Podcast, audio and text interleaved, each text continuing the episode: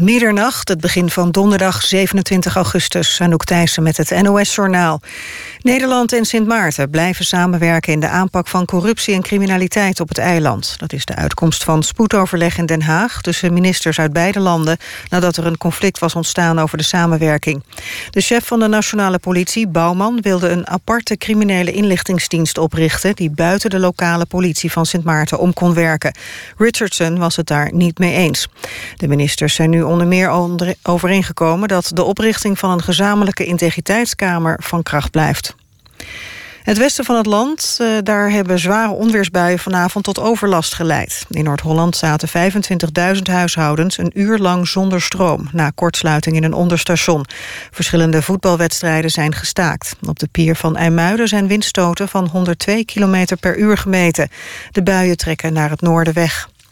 De Amerikaan die tijdens een live tv-uitzending... een verslaggeefster en een cameraman doodschoot... en daarna zelfmoord probeerde te plegen... is aan zijn verwondingen overleden. Hij was een ex-medewerker van het tv-station. Op sociale media schreef de man dat een van de slachtoffers... racistische opmerkingen tegen hem had gemaakt.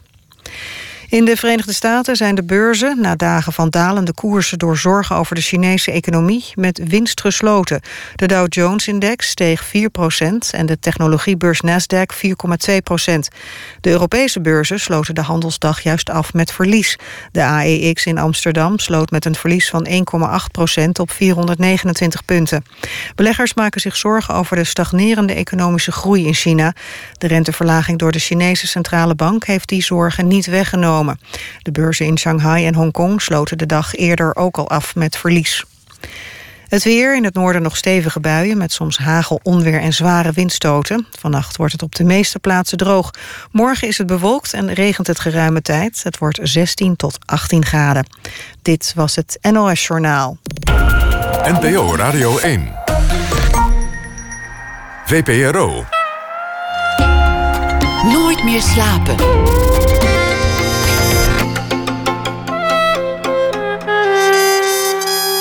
Met Pieter van der Wielen.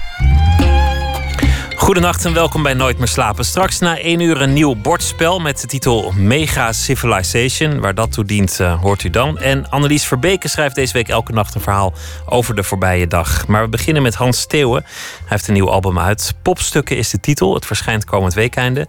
Nederlandstalige stukken samen met de band The Painkillers. En in die band zitten bekende jazzmuzici. Benjamin Herman bijvoorbeeld en uh, gitarist Jesse Ruller. Maar de muziek is Jesse toch... van Ruller. Jesse van Ruller. En hij is, uh, de muziek is rock'n'roll. Je hebt jazzmuzici rock'n'roll laten spelen. Voorheen ging Theo langs de theaters met uh, jazz standards.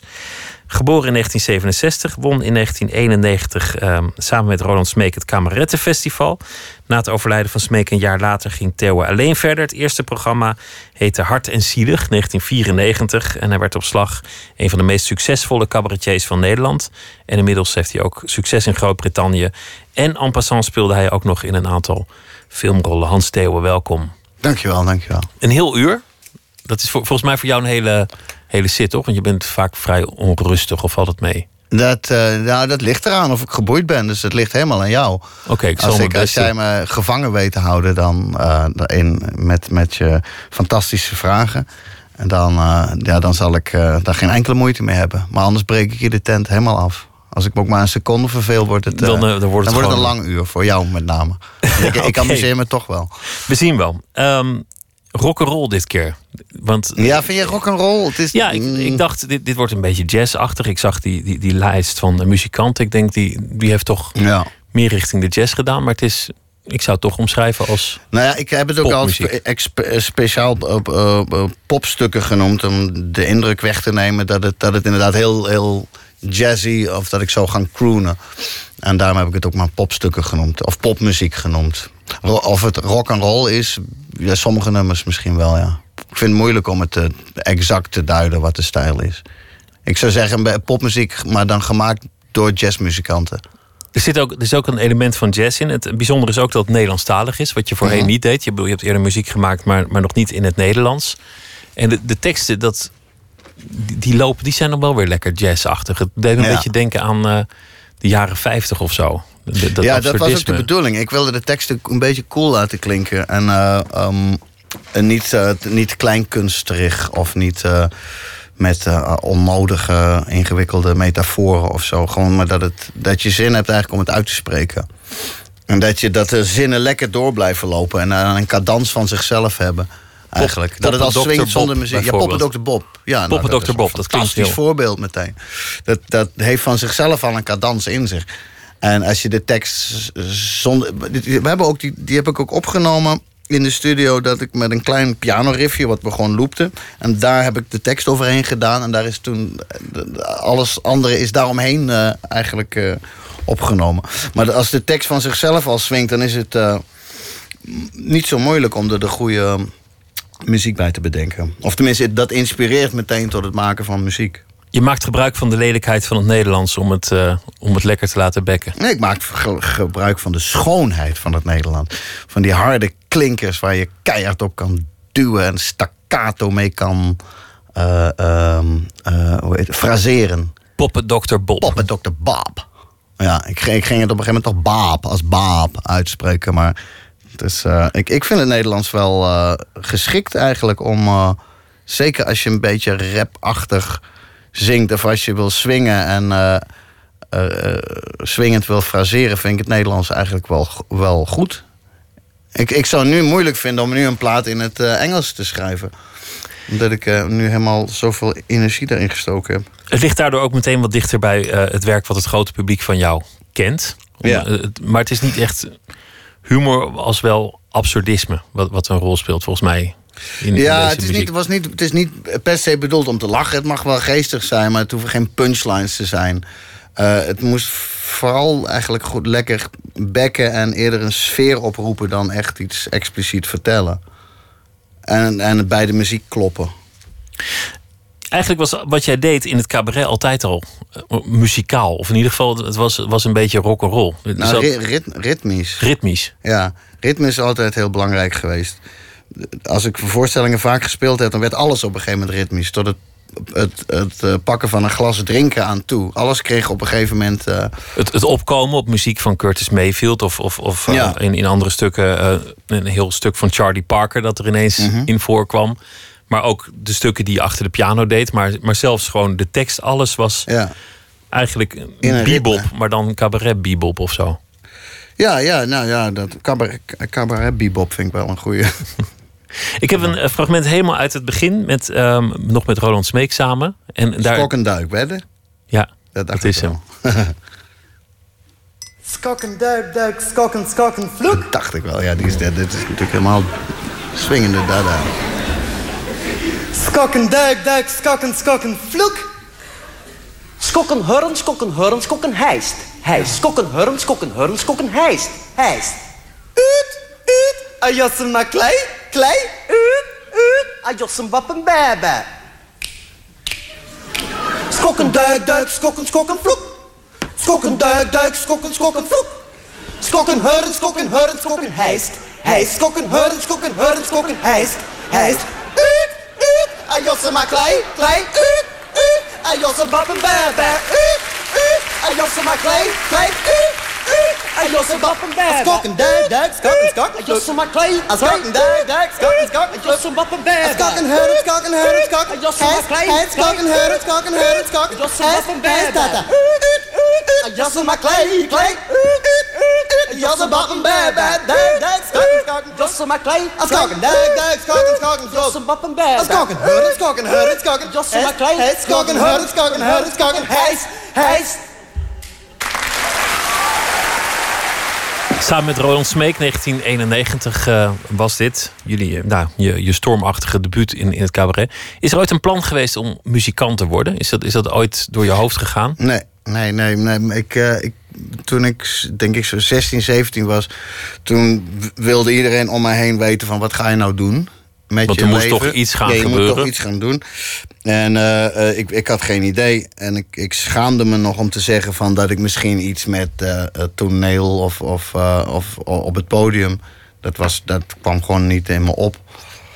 En, en dus zei ik altijd maar pianist. Maar eigenlijk, eigenlijk wilde ik dat helemaal niet. Maar ik kon, ik kon wel piano spelen en ik had er wel aanleg voor.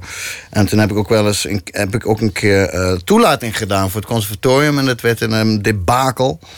En, eh, eh, en ik heb wel eens in bandjes gespeeld, maar nee, het was toch altijd. Toen ik eenmaal dit ging doen, toen ik op het, on- ontdekt wat ik op het podium kon doen, toen was het gewoon duidelijk dat het dat eh, moest worden. Maar de muziek is altijd blijven trekken. Altijd een rol Ja. blijven spelen. Altijd aanwezig Ja, geweest. maar ik ben nooit, ik ben nooit verliefd geworden op echt, echt geobsedeerd geraakt ook door de, door de piano. En iedereen die ik ken die, die echt goed is als muzikant, die heeft een periode, meestal is van een jaar of drie, vier, dat ze echt helemaal geobsedeerd raken door, door dat instrument. En dan vaak ook als tiener, als het allemaal nog lekker ja, eh, precies. En dan, en dan maken ze zich alle techniek eigen. En daar hebben ze dan de rest van hun carrière. Maar dat, dat gebeurde nooit. Ik moest toch altijd moest ik, moest ik discipline aanwenden.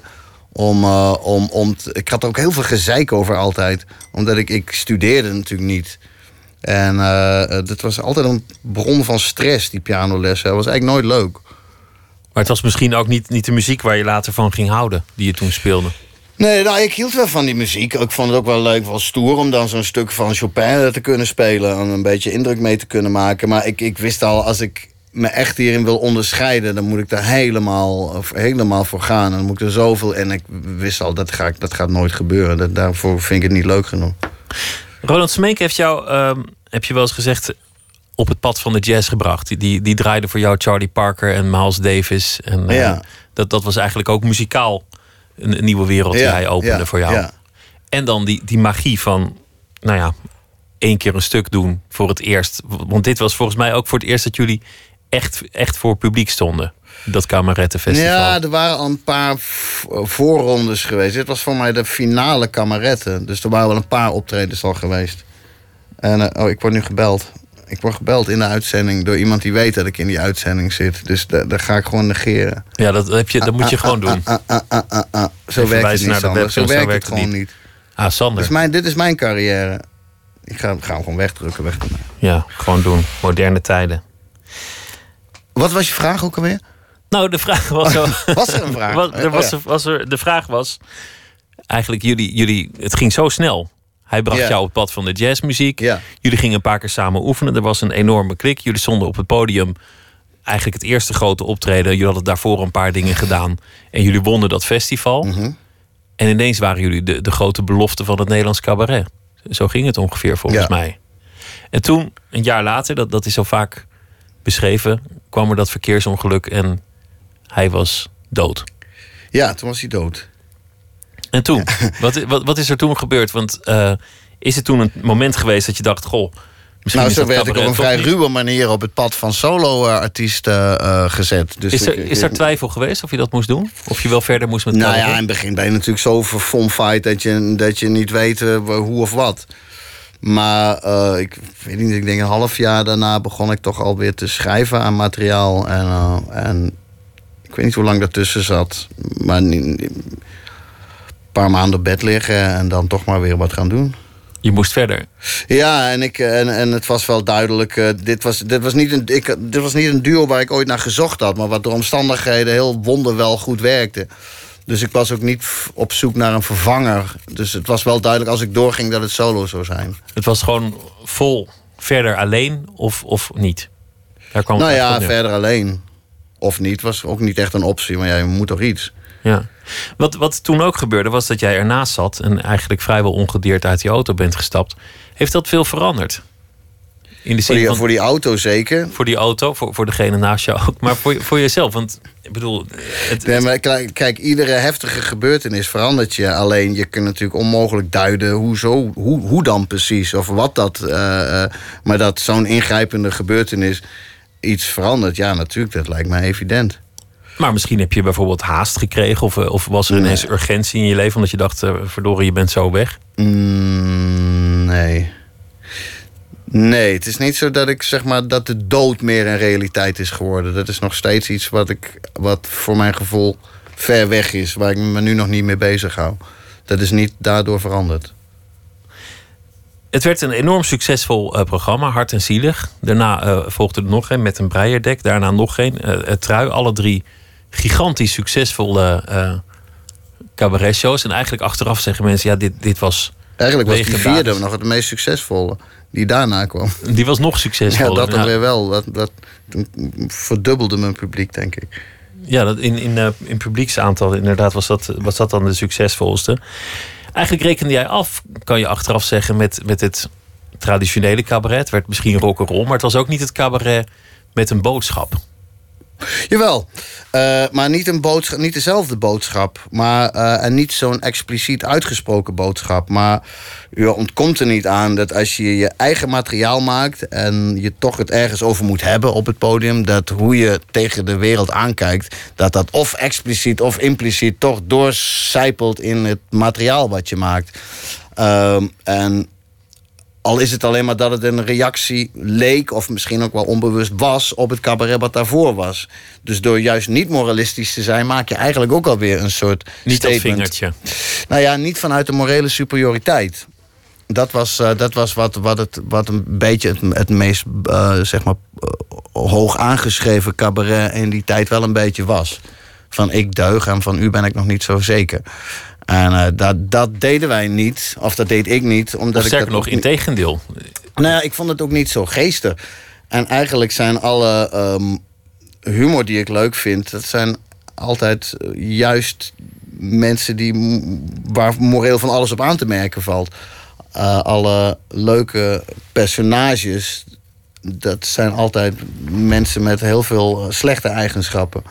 En niet mensen die je vertellen uh, uh, hoe, hoe de wereld in elkaar zit of uh, dat het publiek slecht is of om de verkeerde dingen lacht en daardoor. het, was, het was zeer ontwrichtend ook altijd. Ik ben, bij, ik ben bij een aantal optredens geweest in die beginjaren. En ik, eentje, dat was heel gek, dat was in, in Naaldwijk. Ik weet niet hoe ik daar verzeld raakte, maar waarschijnlijk was dat de, de plek in de waar naald, nog... In de, in de naald. naald, waar nog Wat ik nog steeds een hele mooie naam vind voor een theater in Naaldwijk. Prachtig verzonnen. Ja. Daar liepen mensen weg. Het, het was in uh, het programma Trui. En het ging toen over, over het geloof volgens mij. En daar liep een, nou, een flinke groep mensen liep ja. boos de zaal uit. Dat is, dat is eigenlijk ook wel leuk als dat gebeurt, toch? Of toch niet? Ja, dat was, dat was, nou, nou ja, dat was voor de mensen die bleven zitten heel erg leuk. En dan kwam er een soort snobistisch genoegen van... kijk, zij snappen het niet en wij snappen het wel. Waardoor het meteen een soort elitair clubje werd wat achterbleef... en uh, om, wel uh, erom kon lachen. Dat lijkt mij moeilijk voor een cabaretier... omdat je aan de ene kant wil je dat mensen een leuke avond hebben. Je wil je, je publiek het naar de zin maken. Het moet niet saai zijn, dat is maar het het moet niet saai zijn. Ja, dat is het belangrijkste. En, en als ik merkte dat ik ze misschien niet helemaal op dezelfde golflengte kreeg... waardoor het niet een hilarische avond werd... dan deed ik er alles aan om te zorgen dat ze het in elk geval niet zouden vergeten.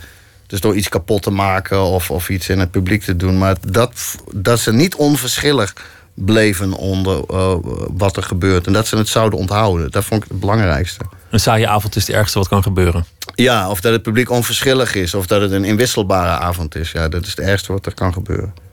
Een fragment uit uh, dat programma. Uh, je, je, publiek, je, je, had ineens succes. De zalen zaten vol. Het was moeilijk kaarten te krijgen. En iedereen vond het altijd leuk. En, en daarmee was het natuurlijk voor jou daar de uitdaging... om daar dan weer een grap over te maken. En dat deed je op de volgende manier.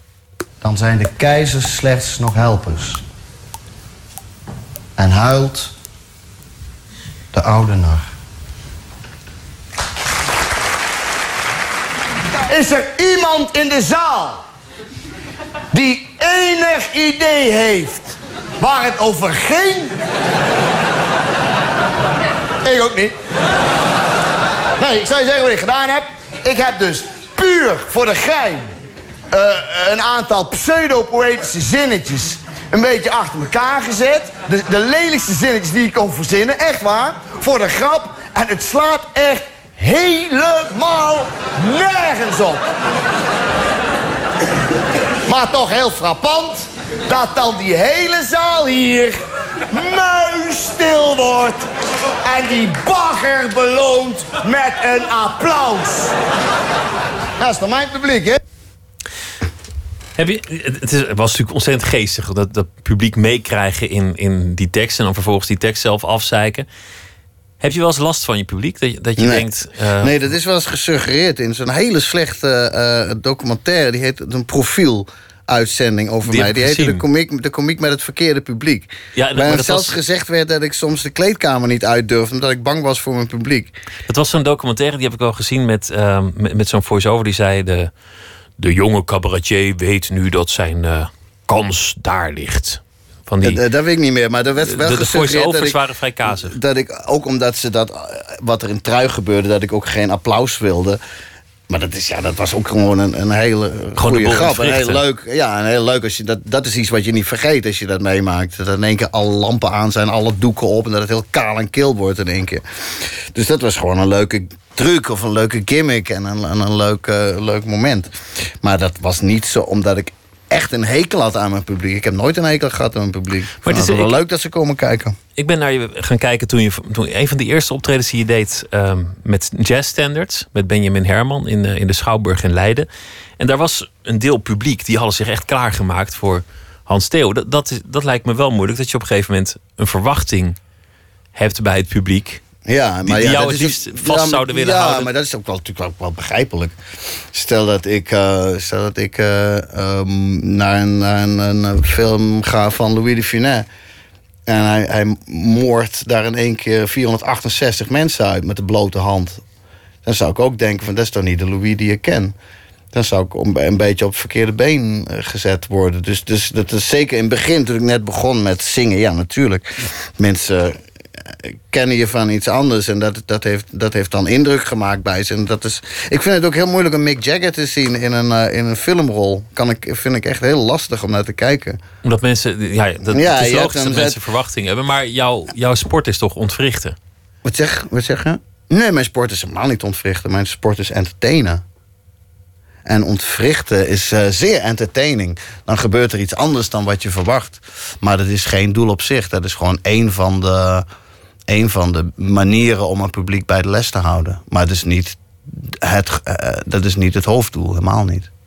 Laten we gaan luisteren naar een van de, de, de stukken van je album. Met de Painkillers. Yes. Met de titel Doe het nou. Yes. Doe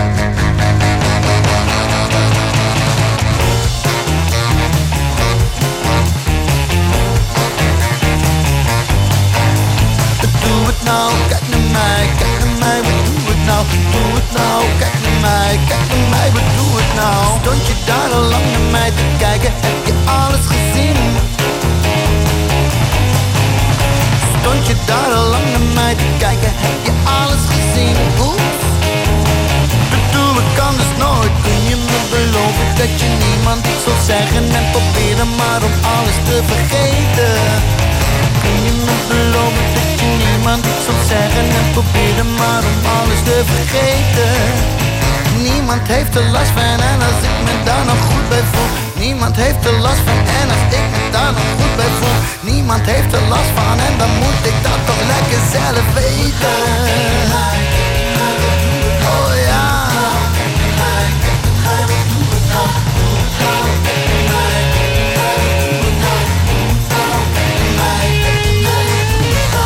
Ik wel dat het raar is omdat ik hier niet woon. Maar ik ruim het zelf op, ik maak het allemaal schoon. Ik snap wel dat het raar is omdat ik hier niet woon. Maar het is mijn eigen lichaam dus ik doe het gewoon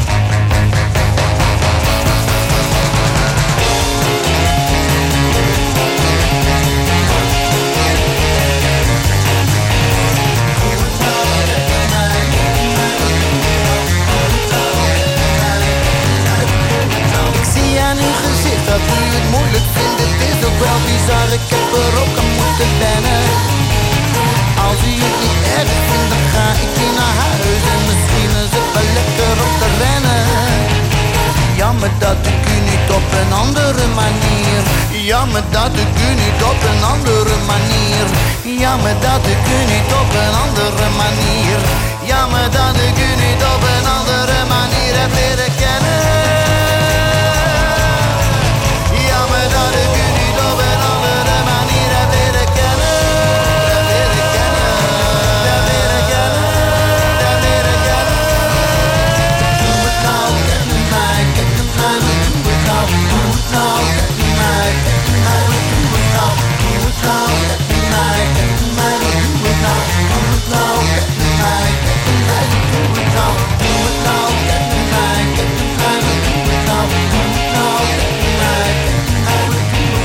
back. Hans Theeuwen en de Painkillers, doe het. Nou, ook een, eh, een videoclip opgenomen. Eh, volgens mij met, met relatief weinig middelen, maar, maar tamelijk effectief. Ja, thuis. Gewoon thuis. Met Voor de mijn, met mijn lieftallige vriendin hebben we dat in elkaar gefluts- geflutseld. Alleen de hand komt van je vriendin in beeld Ja, en, en jouw gezicht eh, close-up. Je hebt, je hebt drie filmpjes opgenomen ook bij het album. Ja, nou Meteen. vier, maar die, Vier. komt, die komt nog uit. Oh, die moet nog komen. Die komt nog op. Ja. Je bent vader geworden onlangs. Ook Dat- nog. Ja.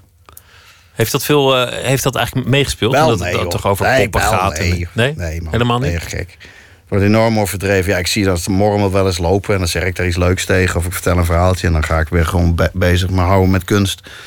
Dat mag absoluut niet afleiden van mijn artistieke werkzaamheden. Want dan, eh, dan, dan, dan ben ik weg hoor. Heb ik ook meteen, heb ik van begin af aan ook gezegd. Van, eh, eh, ik vind het best. Jij raakt zwanger, prima. En als wie het kindje krijgt, mag het houden. En ik ben een artiest. En dat zal altijd voorrang hebben. Daar ben ik gewoon glashelder in geweest. En eh, ja, het is kiezen of delen. Ik bedoel, ja, ze kan ook geen kant op. Dus, eh, Duidelijk. dus, ja. eh,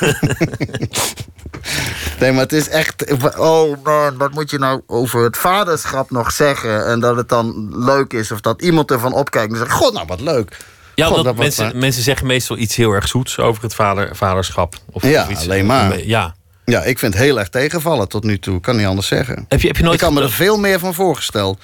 Ja, nee, ik snap, ik snap dat het moeilijk is er iets over te zeggen. Heb je, heb je er ooit tegen opgezien? Heb je ooit gedacht van, oh nee, dat gaat mij nooit gebeuren? Of als mij dat maar niet gebeurt? Of heb je ooit Nou, ik heb wel eens gedacht van ik hoop niet dat het gebeurd is. Maar, Dat het ehm, gebeurd is, ja. maar ehm, eh, ik, ja, ik was er nooit zo mee bezig. En eh, totdat het zover was. En eh, nou vind ik het echt hartstikke leuk. Om vader te zijn. Ja, man. Nou, oké, dan, dan sluiten we dit onderwerp maar af. Want anders Of wil je er nog dingen over weten misschien, specifiek? Het wel leuk om even over te hebben anders. Over het vaderschap. Nee, dat zou ik niet weten ook. Saai, saai, saai, saai. Goed, dat gaan we niet, eh, Nee. dat gaan we niet doen. Wat, eh, wat ik wel met je wil eh, eh, bespreken is dat je, je zei net... wij waren niet het, het cabaret dat aan de goede kant staat. Wij, wij zijn niet het cabaret van het, het vingertje. Eh, of, of jij bent niet het cabaret Ja. van het vingertje. Dat was ook leuk om daarmee af te rekenen. Inmiddels ben je eh mede Ja, door terwijl de... we dat eigenlijk niet eens zo heel. eh, Niet dat we daar nou zo mee bezig waren hoor. We maakten gewoon nummers die we zelf. Die, oh, en ik maakte ook gewoon nummers die ik zelf leuk vond. Pas later vond ik het wel leuk om een soort antimoraal. eh, toen, dus toen, toen ik dat zelf door begon te krijgen, dat dat zo geïnterpreteerd werd. Toen vond ik het leuk om, daarmee, om daar een beetje mee te spelen. Maar verder was ik er alleen maar bezig om, om nummers te maken. Maar inmiddels ben je door de moord op jouw eh, vriend Theo van Gogh... eh, maak jij je heel erg druk eh, over dingen die aan de, aan de hand zijn. Over, over moslimfundamentalisme, over, over de islam. Dat lijkt me moeilijk, omdat je dat, kan ik me voorstellen, zou willen verwerken in je programma. Dat je, dat je daar graag grappen over zou willen maken. Ja, om het geestig te krijgen is, is heel erg moeilijk. En, eh, en het is, ja, nou goed, er zit natuurlijk een risico aan. Ehm, je mag, ja, dat weten we inmiddels. Dat hebben we gezien, dat satirici soms een behoorlijk eh, zure pijp roken. Eh, dus ja, dat is een, eh, een eh, lastig, eh, een las- lastig dilemma steeds. Van ook, ook, en ook hoe je het geestig krijgt. Hoe krijg je dat nou grappig? Als iedereen meteen diezelfde associatie heeft, dan komt meteen een, eh, een, een, een soort gevoel bij het publiek van oeh.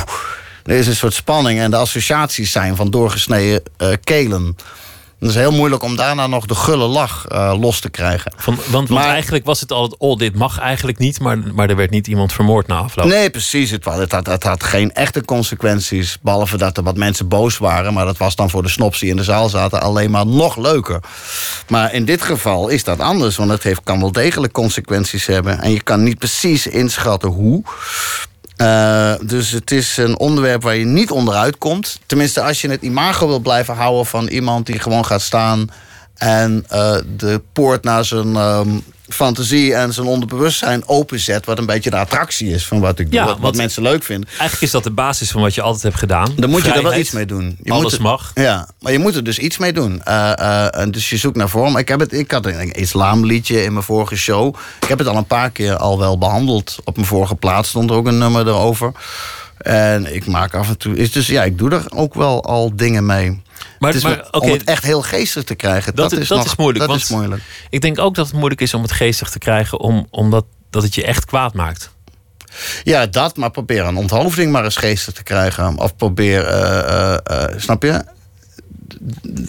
echt reële doodsbedreigingen. probeer daar maar eens humor van te maken. Dat kan, uiteindelijk zal dat ook wel weer lukken. Eh, of zal, iemand zal dat wel, wel weer een keer lukken. Maar nu is het. eh, de associaties zijn allemaal zo naar en zo bedreigend en zo allesbehalve geestig. dat het eh, lastig is. Je hebt ook één liedje op de plaat met de titel Ik ben bang. Ja. Dat, dat gaat over angst. Heeft, heeft dat daar iets mee te maken of is dat meer een, een angst in het algemeen? Het is meer angst in het algemeen. Het was, eh, ik, was, eh, ik was net begonnen. Het was de eerste regel die ik opschreef. Ik weet niet waarom, maar ik, probeerde gewoon te zoeken naar een goede regel. En de eerste regel was ik ben bang. En ik weet niet, dat was zonder dat ik wist hoe of wat. Maar ik dacht, nou, dat is eigenlijk best wel een leuk thema. Bang zijn. Ja, en, en, en eh, daar kon ik wel wat mee. En daar beelden dan bij zoeken en dan goede regels. En ehm, het is meestal bij, of vaak bij liedjes zo dat als je een paar zinnen hebt die echt, eh, echt zijn, of die een soort oprechtheid hebben, dan dat is meestal genoeg om het, om het lied een soort body te geven. Zoals een film soms gebaseerd is op ware gebeurtenissen, maar daarna is alles aangepast voor dramatische redenen. Eh, dat is bij songteksten ook vaak zo. Want je hebt, je hebt een paar zinnen, of, of misschien e- één zin die rijmt, of, of, of, een, of een klein stuk. En hoe Ja. gaat het dan verder? Dan, dan ga je gewoon achter die piano zitten? Of neem je het dan mee naar de band en zeg: Jongens, ik heb dit? Eh, nee, nee, nee. Dan, de, de- de- de, eh, teksten schrijf ik niet achter de piano. Dus, dus eh, die, die komen vaak los van elkaar tot stand. En daarna probeer je het in elkaar te schuiven.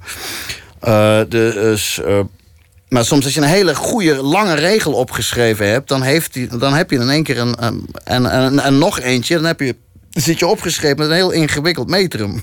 waar de rest van het nummer ook aan moet voldoen. En hoe langer de regels zijn, hoe moeilijker het is. Want dan ben je aan het schrijven en dan denk je, ja, het klopt. En dan lees je het nog een keer hardop voor. En dan blijkt het net één lettergreep te Ah, weinig te ja. zijn. En dan moet het weer helemaal opnieuw. Dus het is een crime tekst te schrijven. Ik vind het heel erg eh, moeilijk. En eh, niet per se leuk werk. Maar wel heel fijn als het dan lukt. En als je dan weet, dit ga ik nog heel vaak zingen. En ik ga nog heel veel plezier hebben van deze regel. Dan is het resultaat, eh, dat maakt het dan wel weer de moeite waard. Maar Had je de neiging ook om, om, het, om het toch grappig te willen maken? Om toch in de, in de oude cabaret-routine te vallen en te denken: Ik maak dit heel raar het, mag, af. het mag best grappig zijn, maar, maar het moet niet ten koste gaan van, Het liedje. van het liedje. Nee, en het, ja, het is een ander soort humor of een ander soort geestigheid die in, in die teksten zit.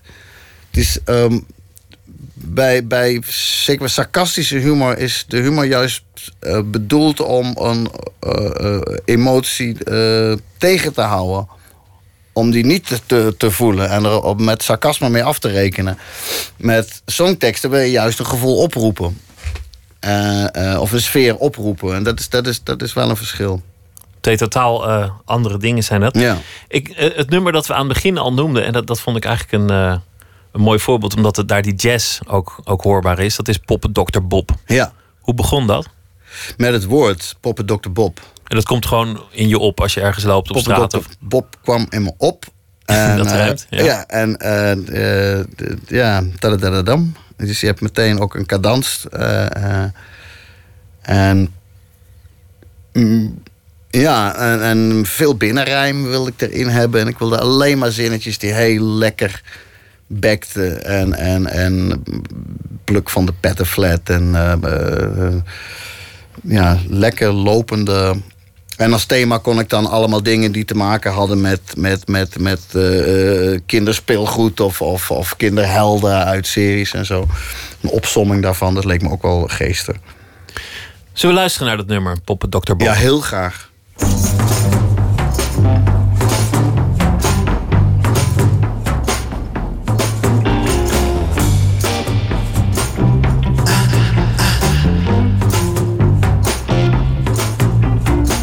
Poppendokter Bob is een poppendokter op een top. Poppendokter Bob is op een top. Een poppendokter, poppendokter Bob is poppendokter op een top.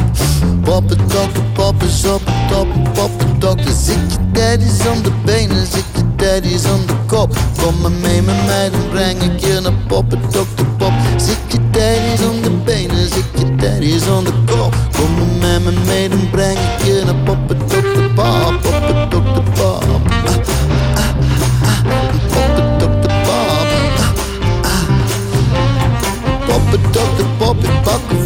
kleine plastic poppenbeentjes.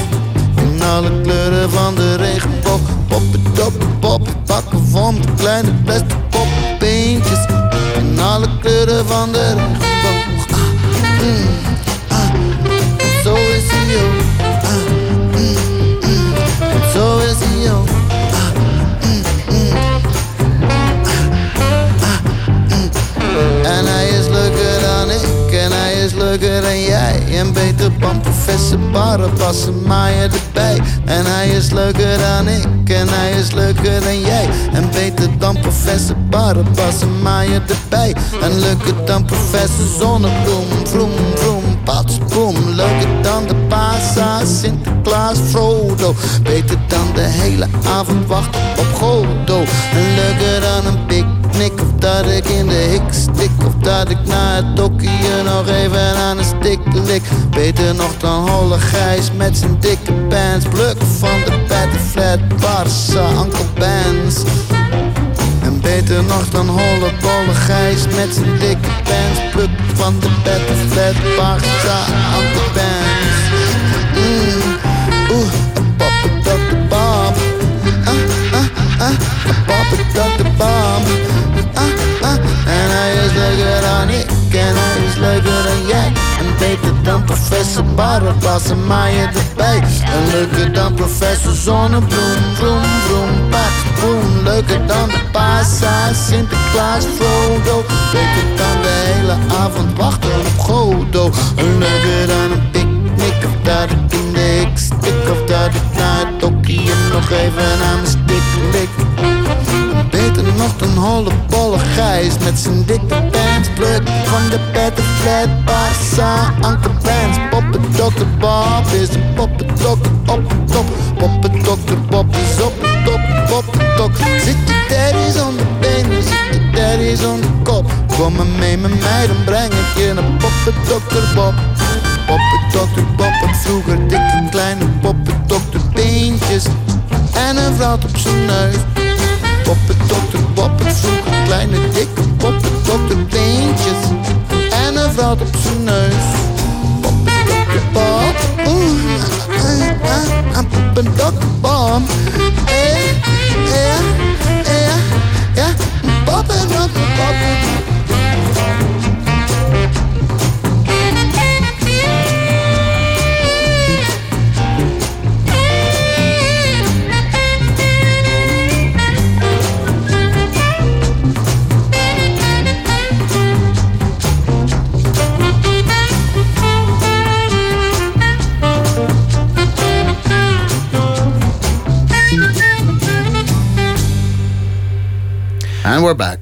we're back. Poppendokter Bob Hans Theo zit hier eh, tegenover me. We hebben het gehad over uh, de rock'n'roll. Nooit echt een carrièrewens, zei je. Want ik was niet verliefd op mijn instrument. Maar de, de muziek speelde altijd een rol. Eigenlijk zat er ritme in alles wat je deed in, Ja. het, eh, in het theater. En zo was het ook min of meer begonnen.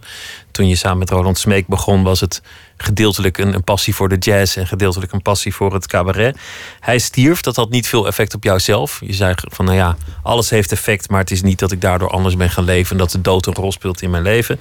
En toen kwam dat solo-programma. We, we hebben het gehad over de muziek. We hebben het gehad over het, eh, wat je eigenlijk probeerde te doen in dat theater. Weg van het moralisme.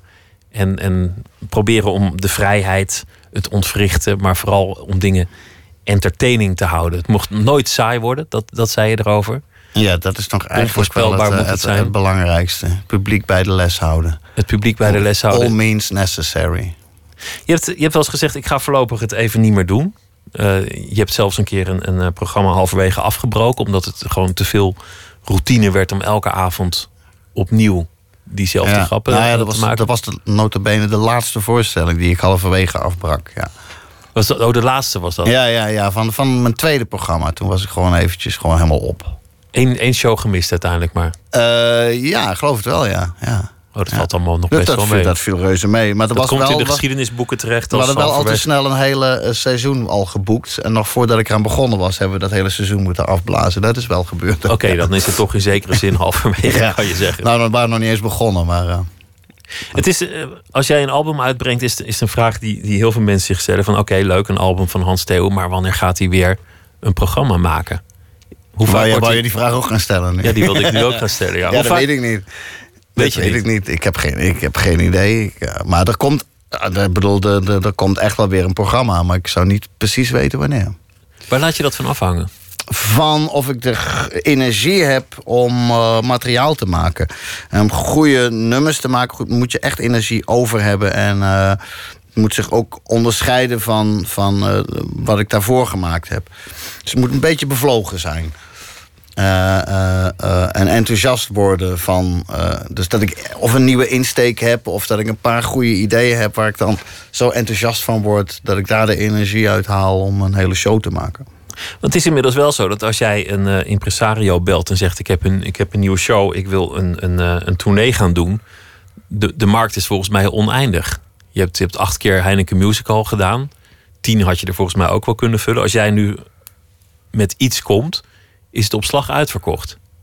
Ja, nou, de- ja, als het cabaret is tenminste, ja. Als het cabaret dat, is, nee, ja. dat, is dat is het probleem niet. Nee, Nee. Maar, maar je moet wel iets, eh, iets te- te vertellen hebben.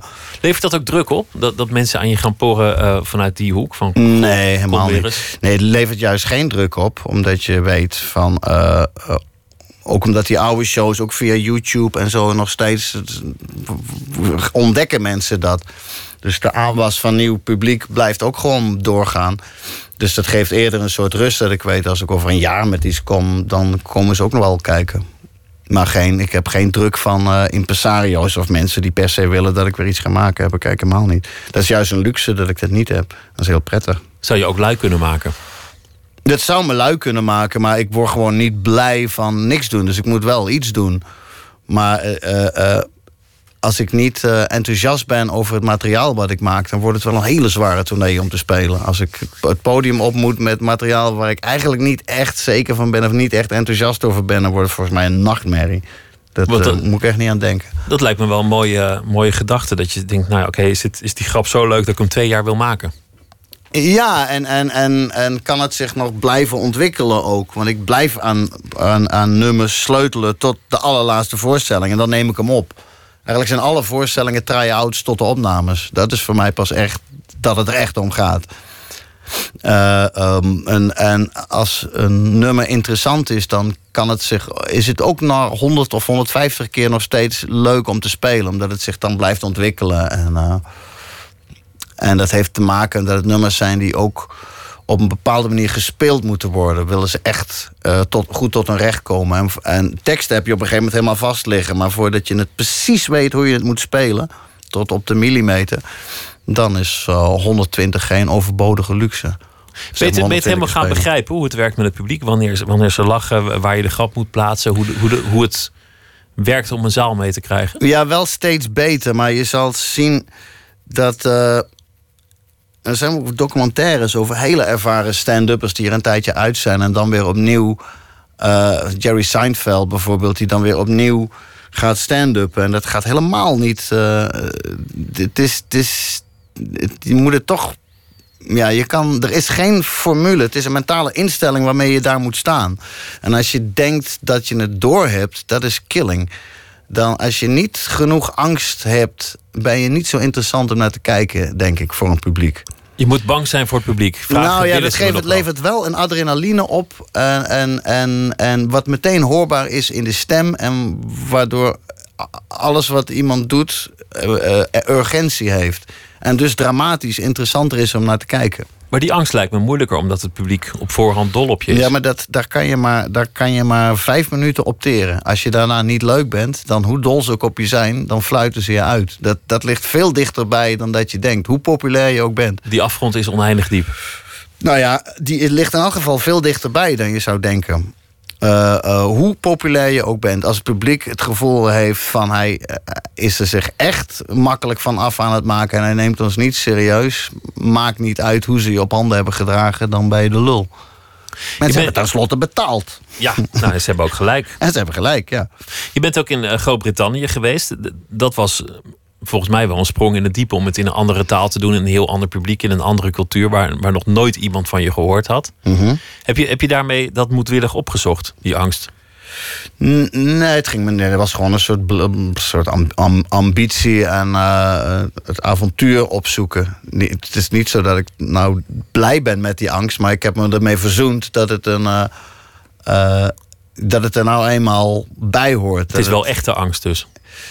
Ja, het is wel echte angst. Het is ook echte, echte, echte spanning die je opbouwt. En, en op de een of andere manier denk ik nog altijd bij een optreden dat ik het eh, niet alleen dat optreden kan verpesten, maar ook alles wat ik hiervoor gedaan heb. Dat In al dat één- succes In één klap alles weggeveegd wordt. wordt of zo. Dat- afgenomen. en dat, dat ze zeggen van god, die, en ik die- weet die dat dat niet zo is, maar toch, die, dat, zit, er- dat zit er toch nog steeds altijd ergens in mijn hoofd. Dus daar zit eigenlijk een twijfel achter van komt dit me wel, wel toe? Ben ik wel die grootheid waar iedereen me voor houdt? Ja, ik weet niet of dat het is, maar dat het, dat het allemaal van me, van, van me afgepakt kan worden. En dat het eh, uiteindelijk allemaal toch, eh, toch niet zo heel veel voorstelt of zo. Eh, de- en dat is, niet, dat is niet rationeel, maar het gevoel dat je alles kan verliezen. Van vanavond is de avond, nu komt het er echt op aan. Allemaal leuk wat hiervoor gebeurt, is allemaal goed en aardig. Maar als je vanavond niet goed bent, dan is alles wat hiervoor gebeurt, is ook eh, allemaal niks meer waard. Hoe erg zou dat zijn als dat zou gebeuren?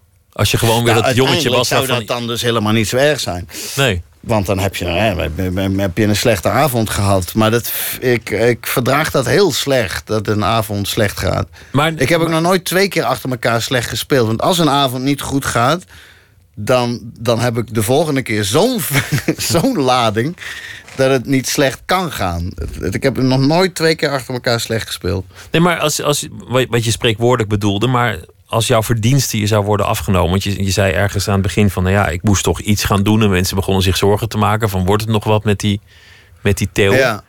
Is, is het uiteindelijk toch belangrijk voor je, de erkenning nou ja, en die- succes? nou, ik denk dat, dat, dat er is wel een tijd geweest dat ik echt niet wist wat ik nou moest. En toen ik dus ontdekte eh, van ik, dit kan ik. En, dat, en toen was ik al best wel oud. Dus tot mijn 22e had het gewoon echt helemaal mis kunnen gaan. Dus ik heb ook echt op het podium gestaan met van ja, het is nu, als het nu niet goed gaat, dan gaat het gewoon helemaal fout. Dan wordt het een baantje in de beveiliging. Ja, ja of, of, of, of, eh, of een, eh, voor mezelf beginnen met een uitkering. maar, maar dus, de, eh, ja, het, is, het, het, het was in het begin echt, was het echt de rop of de ronde. Is dit wat je, wat je wil blijven doen? Of, of heb je niet een, een plan in die zin op de lange termijn? Maar als je- Ik zou het heel leuk vinden om gewoon vanuit mijn eigen huis hele goede dingen te maken. En dat je niet meer hoeft te toeren. Maar ik denk dat ik gedoemd ben om toch het podium op te moeten. Om de zoveel tijd. maar je vak is, is cabaretier. Je bent dan Ja, vak dat gaan ben noemen. ik echt inmiddels, dat kan ik echt. Daar, ben ik echt, eh, daar kan ik me echt in onderscheiden. Daar ben ik heel goed. Maar ik, ik, ik kan me ook voorstellen dat er in combinatie met de band, dus dat die twee disciplines, nu is het nog of, of met de band of solo optreden, dat die disciplines in elkaar gaan schuiven en tot een nieuwe rol, tot een, tot een nieuwe vorm komen. Dat, dat zou kunnen. Film is ook eh, gebeurd. Ik kleine rollen. Maar één die ik ontzettend leuk vond eh, was Gewoon Hans. De, de, de film die ging over jouzelf. Jij, jij, jij speelde jezelf. En het was een film die op allerlei manieren... Het werd een soort horrorfilm. Een, een dochter des huizes waarvan de vader Ja. de hele dag Hans Theeuwen imiteerde. Die kreeg spookvisioenen. Het werd eigenlijk een, een horrorfilm. Je speelde in die film, het was door Diederik van Ebbingen eh, geschreven. Diederik, Diederik Ebbingen. Ebbingen, ja. Jesse van Ruller en Eh, Diederik Ebbingen, ja. Maar het speelde op allerlei manieren met, met dat succes. Daarom vond ik het zo'n ontzettend geslaagde film. Was, was, dat, was het ook een plan wat van jou kwam? Van, goh, Nee, nee, dat nee. Het was, het helemaal Diederik. Het, het, het, het, het scenario was helemaal Diederik. Dus het is, het is, het is, zijn, eh, het is zijn fantasie. Ik, heb, eh, ik was slechts een eh, nederige acteur. Toch zat, er volgens mij wel... Het, het schuurde hier en daar omdat dat er een voorstelbare waarheid in zat. In al die mensen die, die, die ja, jou gaan nadoen. Die een verwachting hebben als ze binnenkomen. Dat, dat je een typetje bent geworden voor sommige mensen. Dat, je je moet gedragen omdat je een, een, een beroemdheid bent. Ja, maar ik heb dat, ja, dat doe ik gewoon niet. Ik gedraag me zoals ik me wil gedragen. En eh, ik bedoel, het is ook al best lang dat dat zo is. Ik bedoel, die, de bekendheid. Snap ben je je? wel aan en dat, gewend. Ja, in, op een gegeven moment wen je daaraan. En dan. dan eh, ik, nee, ik- dat is eigenlijk nooit, een- nooit zo'n probleem geweest. De, wat veel zwaarder is, is de intensiteit van, eh, van de optredens. Waardoor je. eh, Het uit- hoge energiegehalte. ja, waardoor je uitgeput kunt raken. En, en dat het zo lang duurt voordat je echt helemaal, echt helemaal hersteld bent van zo'n slijtageslag. En als je dan de volgende dag weer doet, als je dat lange tijd achter elkaar doet, dat is slopend. Die bekendheid is eigenlijk nooit echt een probleem geweest. Het is eigenlijk vooral eh, leuk. Het kan soms wel eens irritant zijn dat je er even geen zin in hebt als mensen naar je toe komen, maar het is, nee, dat is, dat is niet eh, waar ik eh, nou echt veel last van heb. Je gaat toeren met een bandje en- het grote verschil is natuurlijk dat je dan met, met, een, met een groepje bent. Je gaat in een busje ergens naartoe. Je bouwt samen op. Je, je geeft elkaar een complimentje. Of je denkt, goh, dat was het niet helemaal. Het lag aan jou, het lag aan jou. Maar als cabaretier ben je altijd helemaal alleen. Je moet alles uit jezelf halen. Je hebt nauwelijks Ja. decor. Je hebt eh, geen Ja, tegenspelers. dat, is, eh, dat was op het podium was het raar. Want als je, alleen, als je dus alleen op het podium staat, als ik niks zeg, gebeurt er echt helemaal niks. Er gebeurt er ook gewoon niks. Als jij je tekst ook- even niet nee, weet. dan is het helemaal stil en dan hoor je de airconditioning en dan is er helemaal niks. Dus dat jaagt je al enorm op. En daar, daar, daarom ook die intensiteit. En ik wil ook, ah, ook niet eens dat er gehoest wordt. Als ik al iemand hoor hoesten, dan denk ik al van... Dus, er is iets niet oké. Ik ben niet goed aan het spelen. Want anders dan was hij wel met iets anders bezig dan met die kriebel in zijn keel. Maar dat hoef je... Die paniek of die, die, zeg maar, die gejaagdheid hoef je met een band niet te hebben. Je moet eerst in die muziek zitten. Je moet bezig zijn, ook met de muzikanten.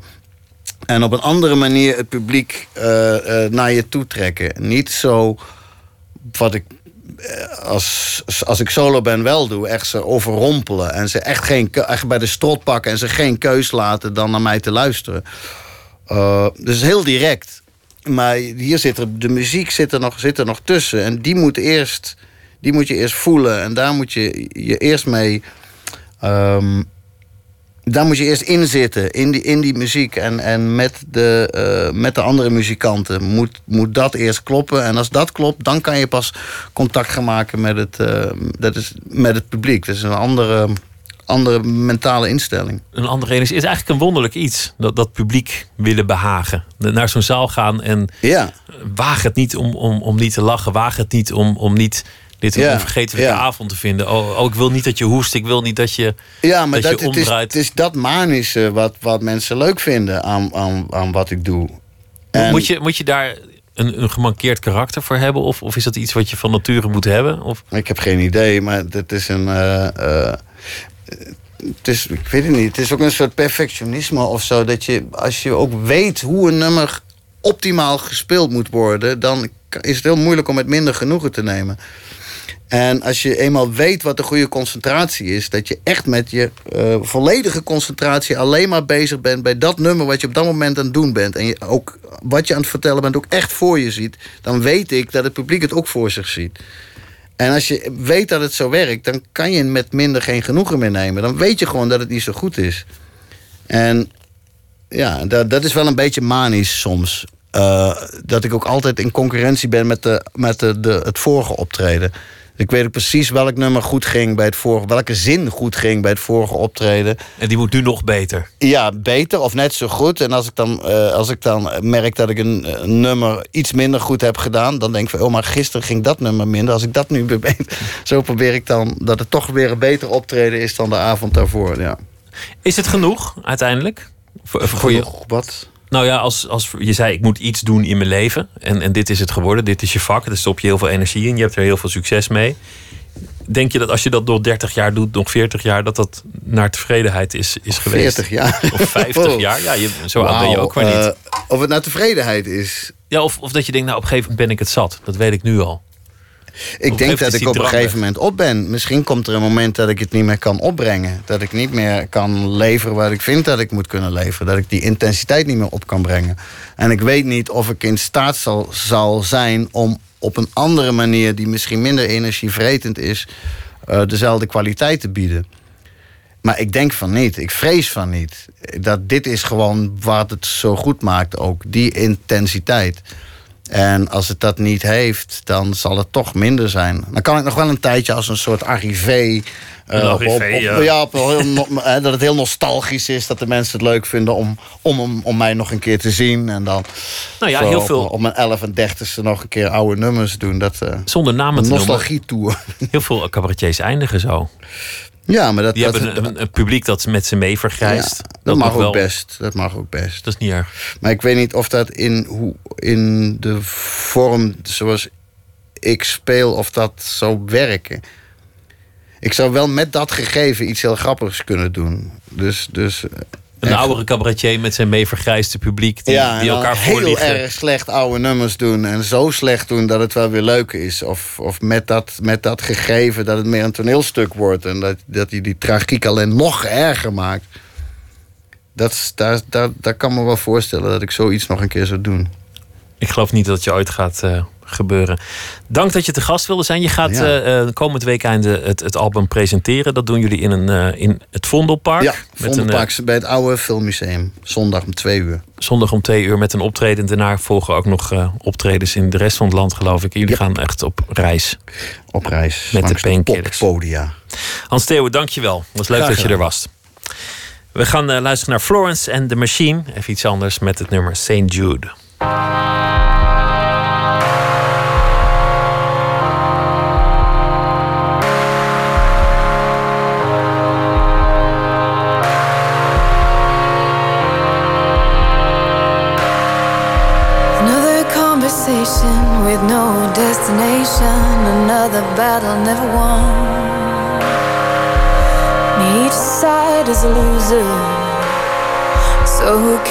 Cares fight the gun?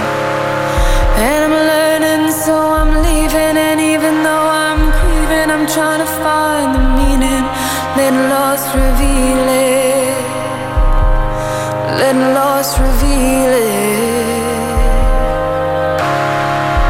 Saint, the patron saint of the lost causes.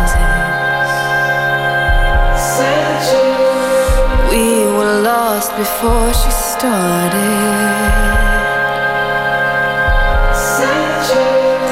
We lay in bed as she whipped around us.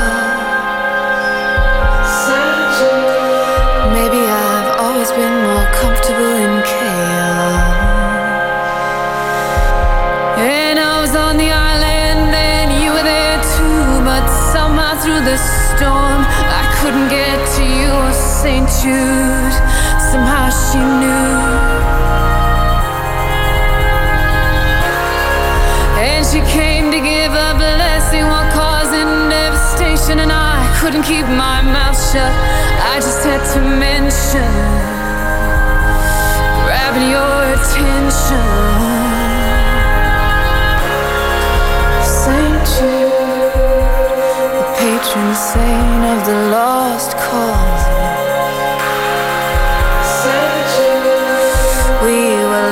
Before she started. We lay in bed as she whipped around us.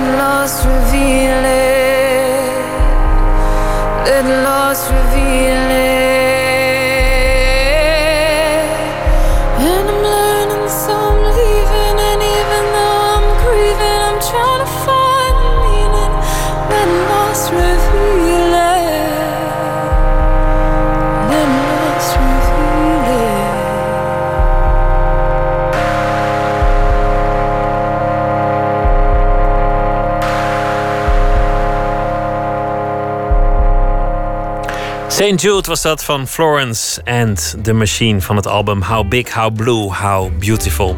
Zometeen gaan we verder met eh, Annelies Verbeke. Die heeft een verhaal geschreven over de afgelopen dag. En we gaan het ook hebben over eh, Mega Civilization, een nieuw eh, spel dat is uitgegeven. Een, bordspel. Twitter, het VPRO NMS of via de mail nooit meer slapen, VPRO.nl.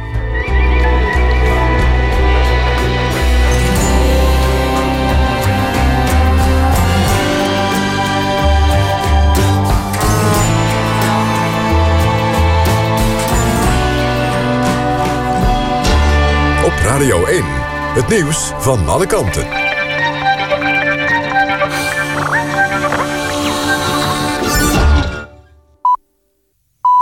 1 uur, Anouk Thijssen met het NOS-journaal. Nederland en Sint Maarten blijven samenwerken... bij de aanpak van corruptie en criminaliteit op het eiland. Dat is de uitkomst van spoedoverleg in Den Haag... tussen ministers uit beide landen... nadat er een conflict was ontstaan over de samenwerking. De Nederlandse politiechef Bouwman wilde een aparte... criminele inlichtingendienst oprichten... die buiten de lokale politie van Sint Maarten om kan werken.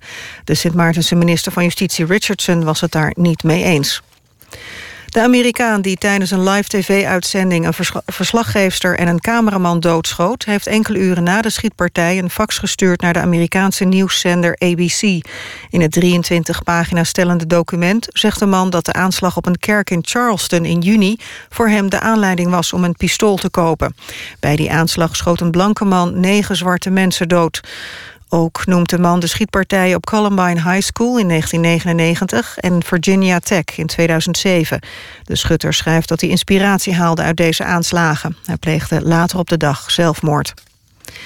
In Amersfoort is een man opgepakt die zou hebben gedreigd zijn huis op te blazen. De politie ging naar het huis na een melding dat de man een ontploffing wilde veroorzaken. Een aantal omwonenden werd geëvacueerd. Toen bleek dat de man niet thuis was, werd een grote zoekactie gestart en een burgernetbericht verstuurd, waarna de man kon worden gearresteerd. Eerder deze maand draaide dezelfde man de gaskraan in zijn woning open. Een arrestatieteam wist hem toen uit zijn huis te praten. In de Verenigde Staten zijn de beurzen, na dagen van dalende koersen door zorgen over de Chinese economie, met winst gesloten. De Dow Jones-index steeg 4% en technologiebeurs Nasdaq 4,2% De Europese beurzen sloten de handelsdag juist af met verlies. De AEX in Amsterdam sloot met een verlies van 1,8% op 429 punten. De beurzen in Shanghai en Hongkong sloten de dag eerder ook al af met verlies. Het weer, in het noorden nog stevige buien... met soms hagel, onweer en zware windstoten. Vannacht wordt het op de meeste plaatsen droog. Overdag is het bewolkt en regent het geruime tijd. Het wordt 16 tot 18 graden. Dit was het NOS Journaal. NPO Radio 1. VPRO. Nooit meer slapen.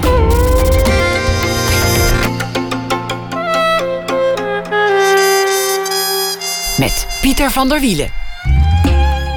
U luistert naar Nooit meer slapen. Zometeen uh, gaat het over de locatievoorstelling toen wij aan Rotterdam vertrokken.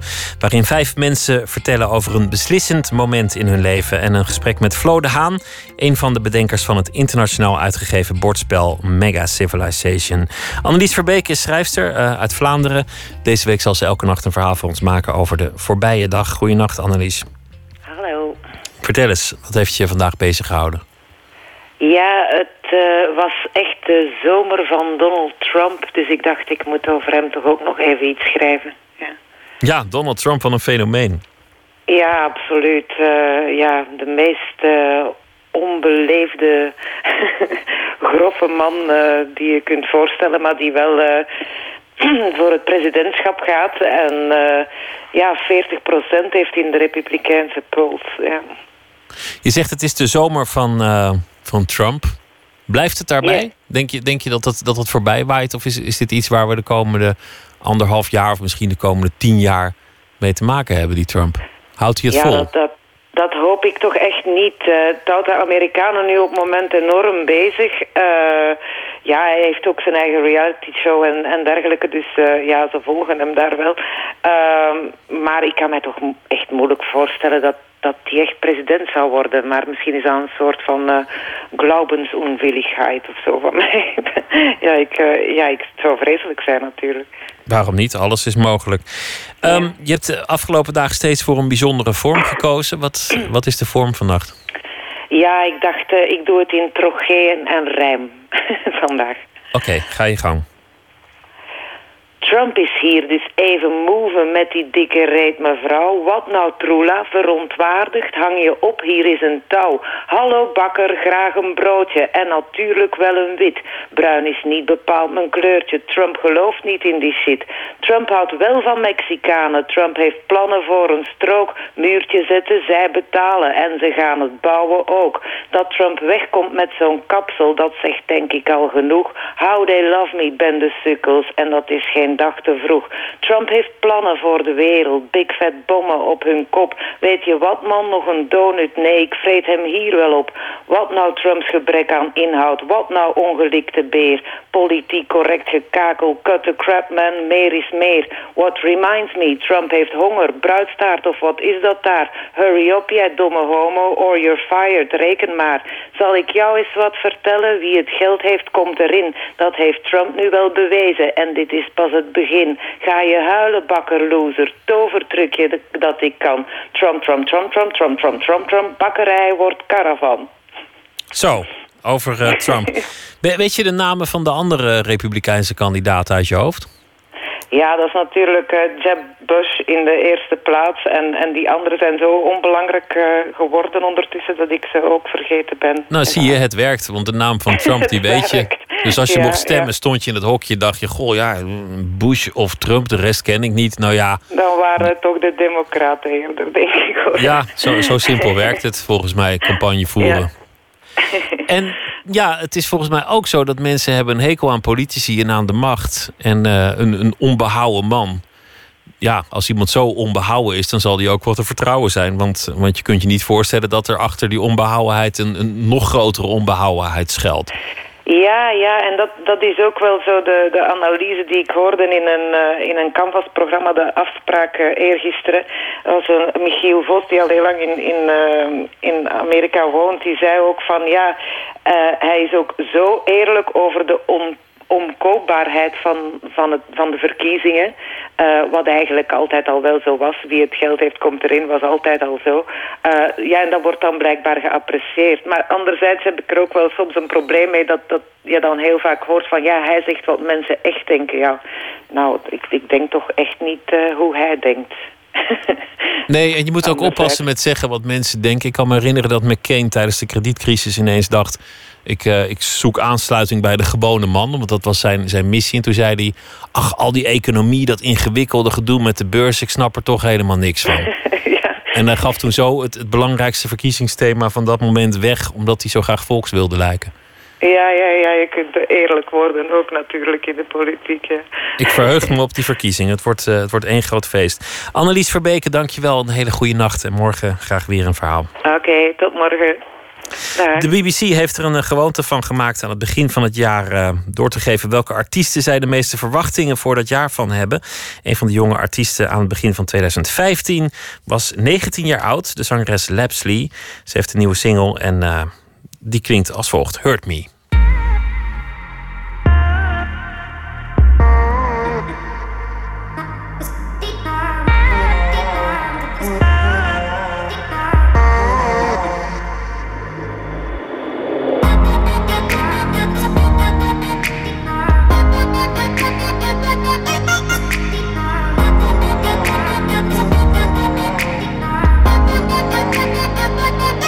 Can't look at you the same way, anticipating heartbreak. And I know, and I know, and I know. I'm putting on a brave face to meet you in the same place. And I know, and I know, and I know.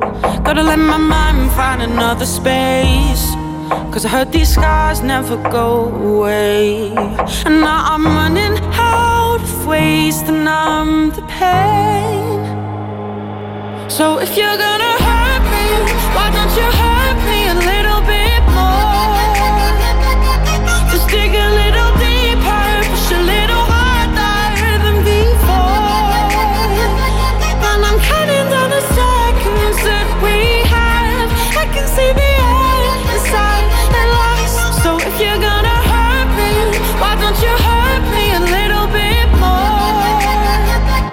Like breathing underwater, where's the law and order?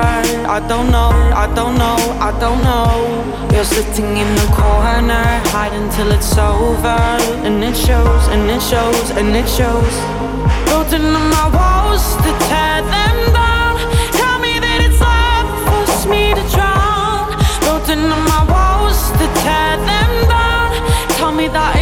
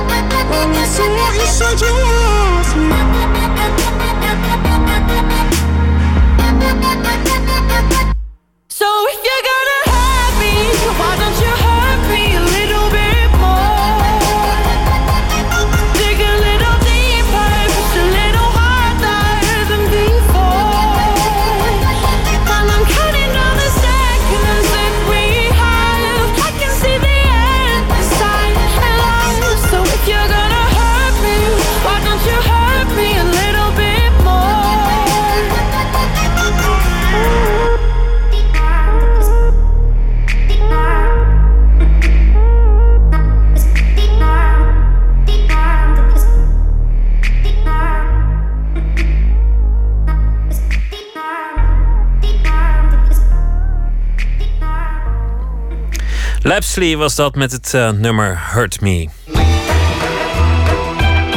Nooit meer slapen. Kun je zelf je leven sturen? Of heb je het zelf nooit helemaal in de hand en ben je maar afhankelijk van wat er op je pad komt? Die vragen staan centraal in de voorstelling toen wij van Rotterdam vertrokken.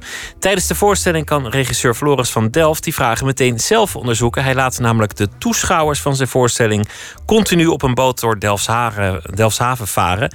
Door de sluizen, langs de bruggen en terwijl de acteurs als spelend langs de route lopen. Weer nieuwsgierige voorbijgangers, andere boten, werkzaamheden en dan maar zorgen dat alles blijft gaan zoals je dat van tevoren hebt bedacht. Floortje Smit die sprak regisseur Floris van Delft over deze toch wel moeilijke monsterklus. Ik ging vroeger met mijn opa op de Speedo naar de haven en ik denk dat die liefde is nooit meer weggegaan. Het is zo groot en zo massaal en zo ja, het straalt zo, iets robuusts uit. En het is dan toch weer die romantische plek van eh, met een schip eh, naar de einder en dan eh, op avontuur. De locatievoorstelling Toen wij van Rotterdam vertrokken van regisseur Floris van Delft, die speelt zich af in de Rotterdamse havens. Letterlijk. Met een boot vaar je door Delfshaven waar vijf uiteenlopende mensen vertellen over een beslissende dag in hun leven. Het begon eigenlijk eh, met dat we met Maas graag iets, eh, dus met Maas Theater en Dans graag iets in Delfshaven wilden doen. En toen op een gegeven moment dachten we, nou, we moeten eigenlijk iets met dat water in Delfshaven. Je hebt historisch Delfshaven en het is natuurlijk zo verbonden met de geschiedenis van Rotterdam. En toen dachten we de haven, eh, en toen zijn we eigenlijk zo ja, de haven ligt dan heel erg dichtbij natuurlijk. Ook omdat je hier vanaf de, vanaf de kade gewoon al de kranen ziet. Dus zo kwamen we bij de haven. En, het, en ook het thema wat nu zo mooi is... dat iedereen heeft een soort romantisch gevoel bij de haven. Van vroeger en uh, echte kerels en met je handen... en uh, echte Rotterdammers, opgestroopte hemsmouwen, nou, dat soort dingen. Terwijl natuurlijk de haven nu is iets totaal anders. Is gewoon high-tech met uh, hoogopgeleide mensen, met steeds minder mensen ook. Um, en, uh, en volledig afhankelijk van de wereldeconomie en waar het naartoe gaat met de wereld. En ik vond dat mooi dat dat dan gaat over, nou, eigenlijk over de maakbaarheid van de toekomst. Zo'n groot apparaat, wat dan toch afhankelijk is van wat er in Amerika en China en met het milieu gebeurt en dat soort dingen. En eigenlijk de vraag van in welke mate kunnen zij nou de wereld sturen of worden zij gestuurd door de wereld? En dat vind ik ook wel een mooi thema voor ons eigen leven. In welke mate kunnen wij ons leven en de wereld waar we in leven sturen of worden we gestuurd? Alle vijfde personages zijn gebaseerd op interviews met mensen en bedrijven uit Delfshaven. Uh, oude havenarbeiders die nog echt met hun handen de scheep hebben gelost. Uh, bootvluchtelingen, uh, kapiteins, zowel jong als oud. zo een heel scala eigenlijk om allerlei perspectieven op, dat, op dat onderwerp te, te krijgen.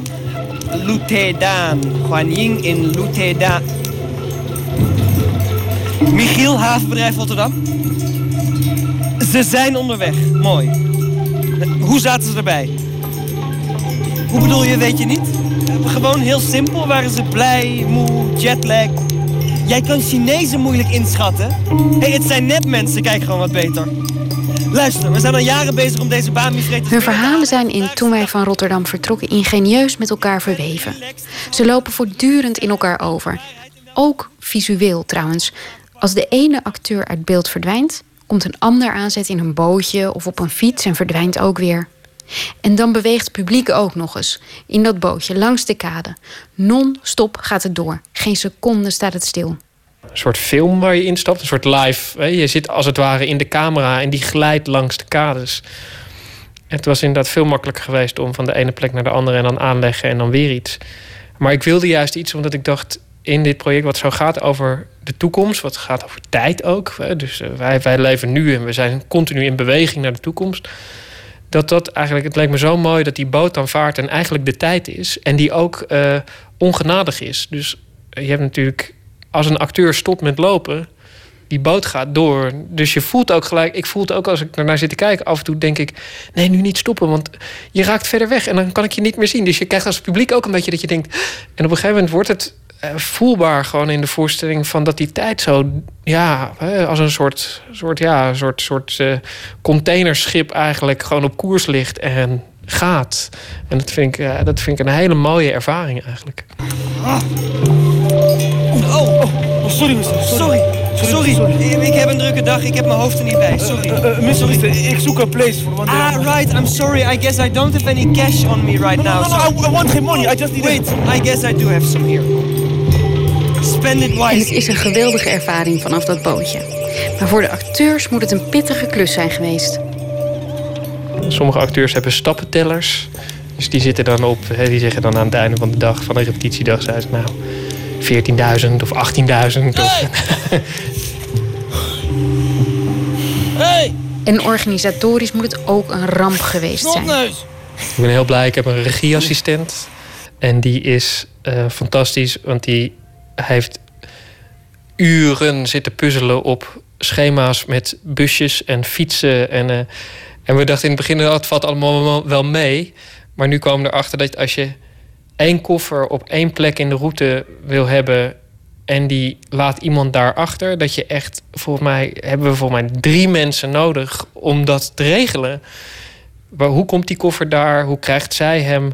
Uh, wie pikt hem op als die weer achter wordt gelaten? En hoe komt hij dan naar de volgende plek waar die weer moet zijn? Nou, dat zijn echt. Uh, dus het zijn.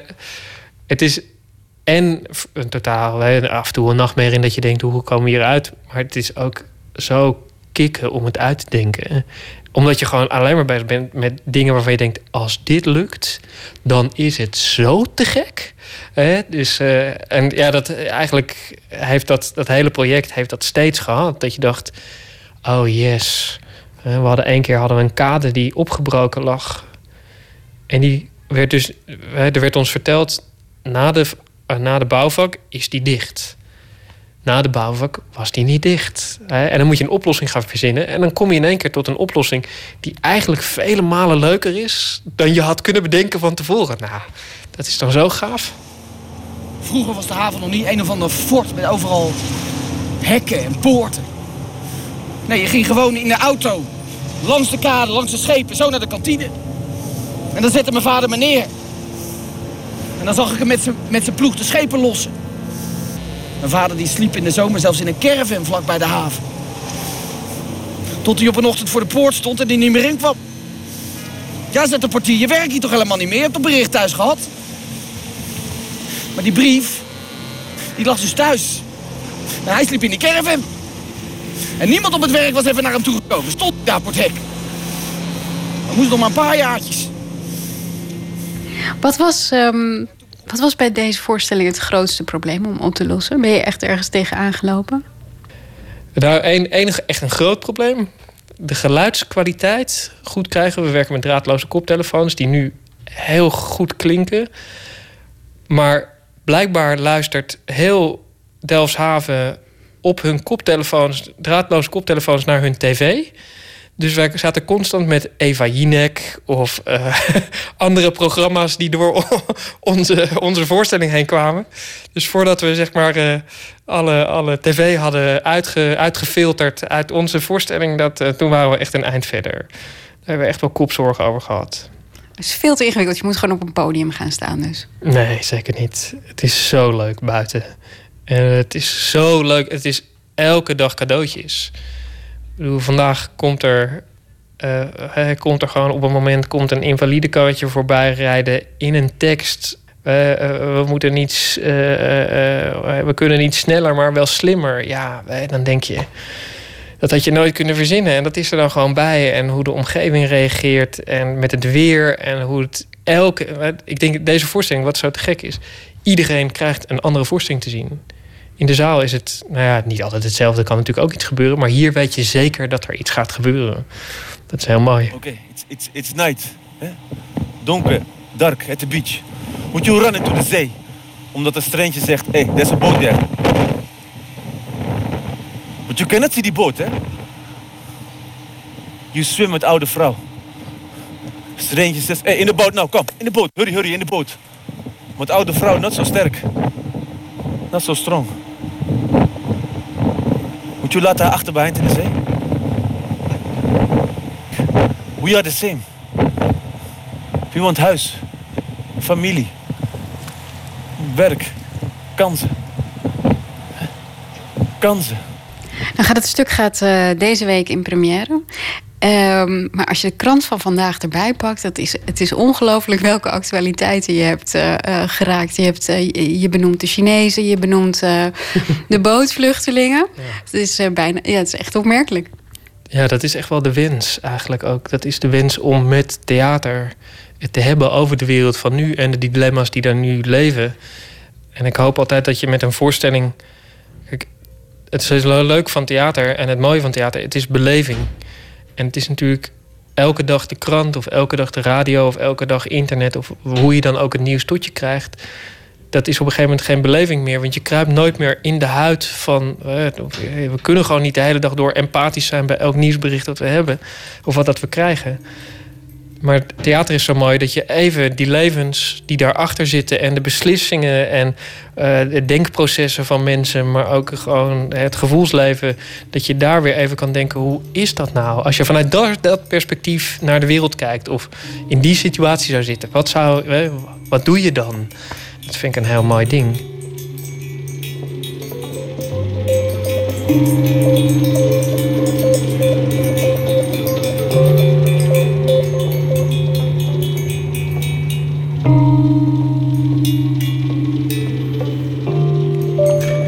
Hoorde Floris van Delft over de voorstelling toen wij van Rotterdam vertrokken. En die locatievoorstelling is nog te zien tot 19 september in Delfshaven, Rotterdam. Kijk op uh, hun website maastd.nl. Er zijn maar weinig zangers van wie de stem zo bezwerend kan werken als die van Mark Lanigan. Hij is uh, ook alweer een vijftiger, heeft een nieuw album uit met demo's nog uit 2002. En daarop vonden wij het volgende nummer Blind.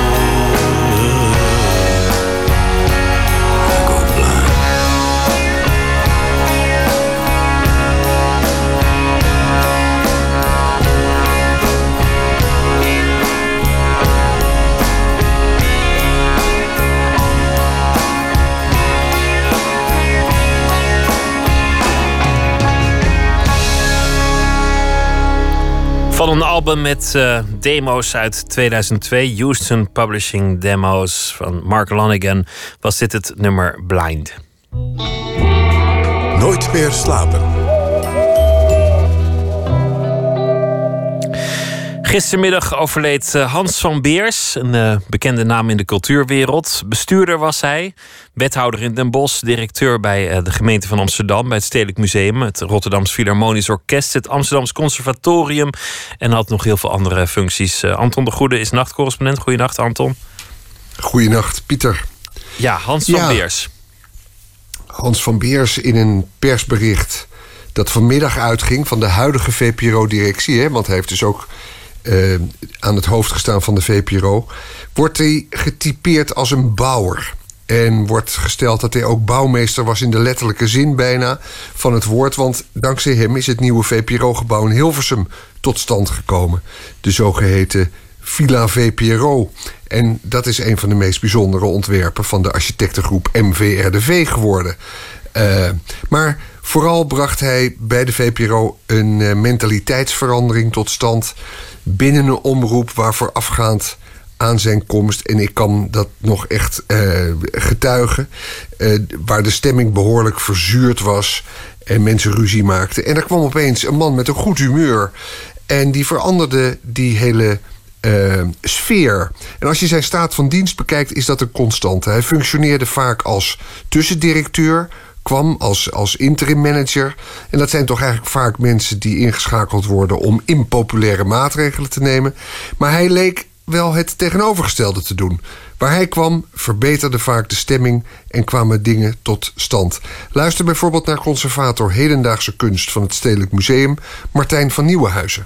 Hans van Beers die kwam in 2003 naar het Stedelijk en heeft eigenlijk het museum vlot getrokken op het moment dat het eh, helemaal vast zat. De directeur was uh, opgestapt en het museum was eigenlijk al dicht. Uh, en uh, er was ook geen geld voor renovatie en nieuwbouw. En er was zelfs geen plan. Dus we zaten echt in een enorme dip. En ja, het plan van de architect Sisa, die dat onder Rudy Fuchs was ontwikkeld, was twee keer eigenlijk afgeschoten door de gemeente. Ehm, nou ja, dus slechter kon het niet. Maar Hans van Beers die heeft met heel veel elan en gevoel voor humor en doortastendheid eigenlijk uh, uh, ja, het museum weer vlot getrokken en uh, een aanzet gegeven tot de verzelfstandiging. De relaties met het gemeentebestuur ook weer goed gemaakt. En de procedure voor de keuze van een nieuwe architect voor, voor de nieuwbouw en renovatie opgestart. Dat gaf een enorme boost aan het moreel van, van de medewerkers van het stedelijk. En bracht het museum ook weer uh, eigenlijk uh, in de aandacht uh, van, de, van de Amsterdammers, Nederlanders en buitenlanders die het natuurlijk gemist hadden. Dus dat was een, een eigenlijk enorme omslag. Je hoort over Hans van Beers dat hij sociaal was en een gevoel voor humor had. Maar het was natuurlijk ook iemand die gewoon af en toe met zijn vuist op tafel kon hebben. Is ook zo. Dat gevoel voor humor, daar hebben we straks nog een heel mooi voorbeeld van. Maar je hebt het bij het rechte eind. Hij kon ook hard optreden.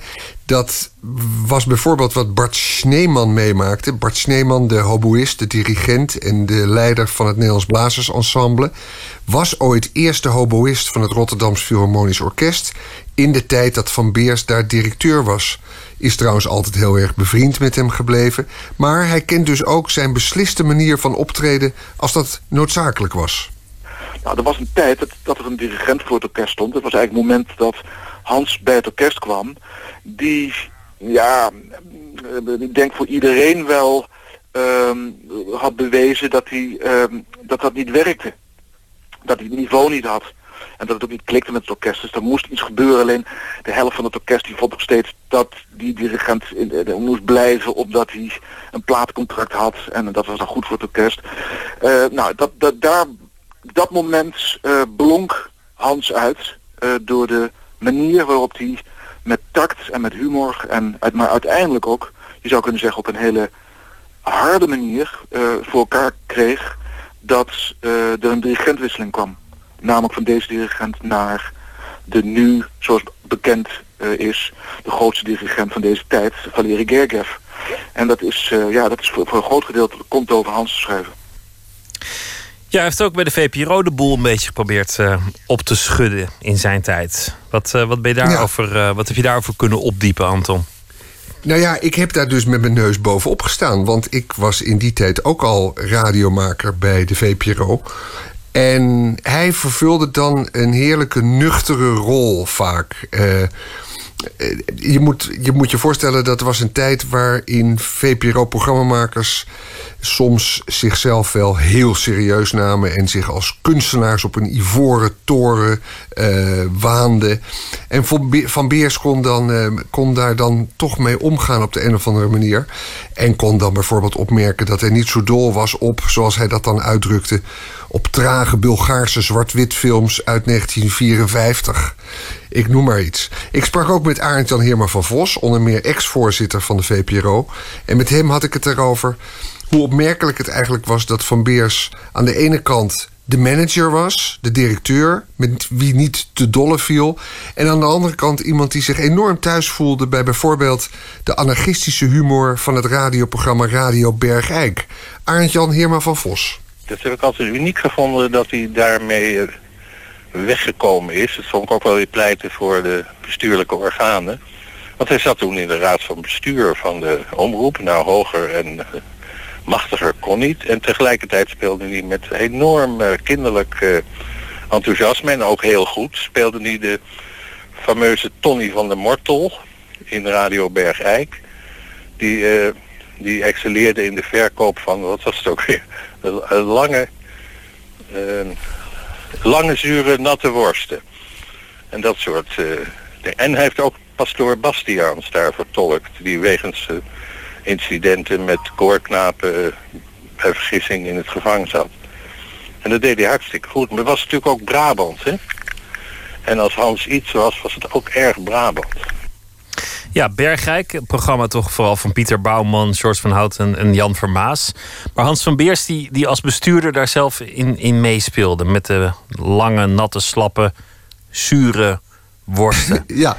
En dan was, hij, ja, dan was hij dus geen bestuurder, maar dan was hij marktkoopman, bijvoorbeeld. Eh, hoewel hij dan ook uh, in die rol weer politieke aspiraties had. Laten we een fragment luisteren. Hier proeven de presentatoren Toon Sporenberg en Peer van Eersel... de lange, natte, slappe, zure worsten... die Tony van der Mortel importeerde uit Duitsland. Ja, nou, uh, Tony... Uh, heerlijk, heerlijk, heerlijk. Even nog even, want jij bent natuurlijk ook van Bergrijk terug. Uh, nou heb ik begrepen dat jij op de markt een aantal dingen veranderd wil zien, heel graag. Ja, een heleboel. Niet, ik, ik niet alleen trouwens. Oh. Ook de, alle de begrijpse mensen die ik spreek ook. Hè. Wat ja. dus een doorn in het oog is, is als, en zeker als die zure worst nou in mijn assortiment komt... Ja. Is, die dus in grote verpakkingen afgehaald moet worden... Ja. is dat de mensen dus niet met een auto voor de kraam kunnen komen. Juist. Want het is al alleen maar voetgangersgebied. Ah. En dat is een moderne en in de mode. Maar dat is aan ons verkiezingsprogramma dat dat uh, verkeerde weer gewoon in mag. Ja, ja. Zowel meer parkeren als op de markt ook met de auto tot voor de kramen. Ja, en geen eenrichtingsverkeer meer. Nee, maar dat geldt voor de hele, heel voor het hele dorp. Ja. Dat moet eruit. Ja. Nou zeg ik... Want daar worden de mensen namelijk lui van. Dan kijken ze alleen naar rechts. Ja. Dan denken ze, daar komt een auto aan. Dan kijken ze niet meer naar links. Precies. En dan worden ze gewoon lui van. Dus, ja. dus, dus meer verkeer in Bergrijk. Ja. En... Nou, Heerlijk zeg, ik heb hem op. Hij is op alweer. De natte slappe Zure worst, Zure worst uit Duitsland. Geïmporteerd door uh, Tony van der Mortel, gespeeld door Hans van Beers. Anton de Goede, dankjewel voor dit uh, eerbetoon aan de overleden Hans van Beers. Goeienacht. Graag gedaan, Pieter. Goeienacht. Alweer uh, een eeuw geleden werkte de Texaanse gospelzanger Washington Phillips als een zogenaamde jackleg preacher. Dat is een priester die niet zozeer in de kerk als wel op straat en andere plekken waar mensen samenkomen het woord van God probeerde te verkondigen. En dat deed hij natuurlijk uh, zingend. Maakte in de jaren 20 van de vorige eeuw ook opnames daarvan. Voor Columbia Records nam hij 16 nummers op. En hij uh, begeleidde zichzelf op de Celestafoon, een snaarinstrument. Een van die nummers heette Lift Him Up, That's All.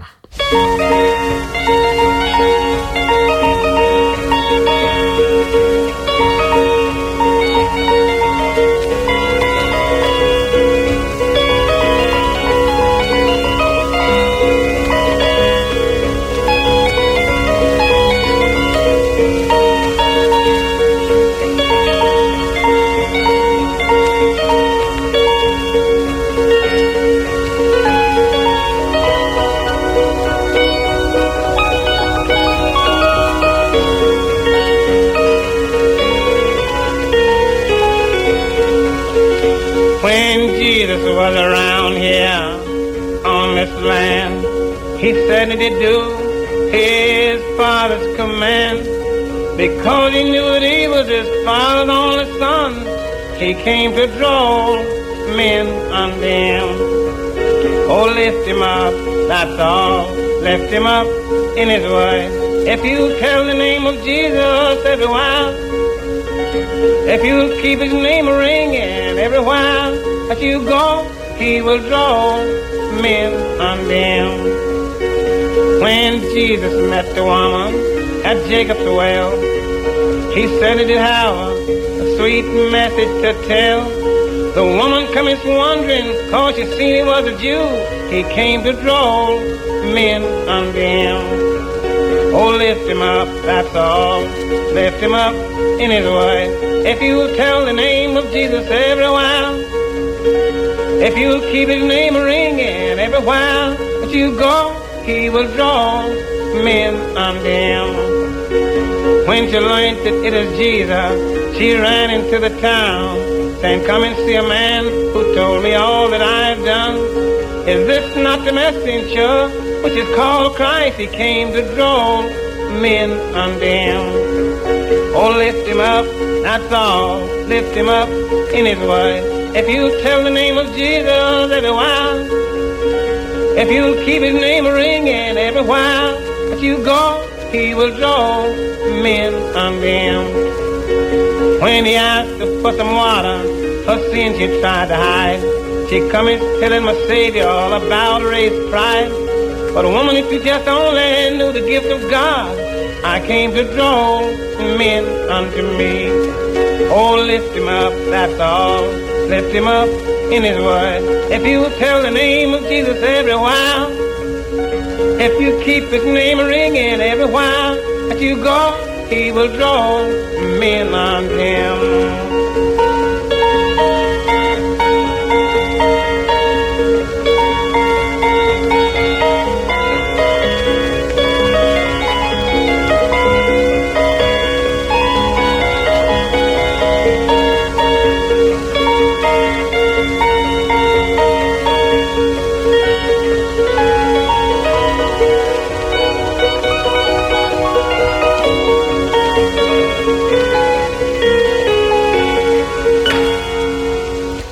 Washington Phillips, een opname uit de jaren 20 van de vorige eeuw. Lift him up, that's all.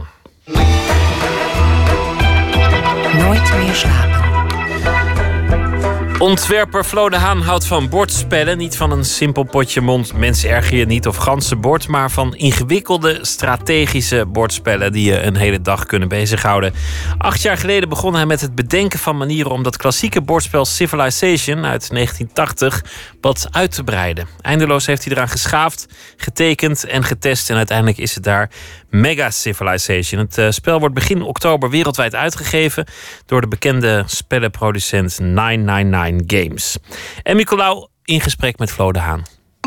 Waar we mee bezig zijn geweest is het meest extreme bordspel te maken waar wij zelf van afwisten. We hebben een speelbord van 2 meter breed. En de fiches die erop komen te liggen, dat zijn natuurlijk enorm veel. Flo de Haan komt de ruimte waarin we afgesproken hebben binnen met in zijn hand een fikse aluminium koffer.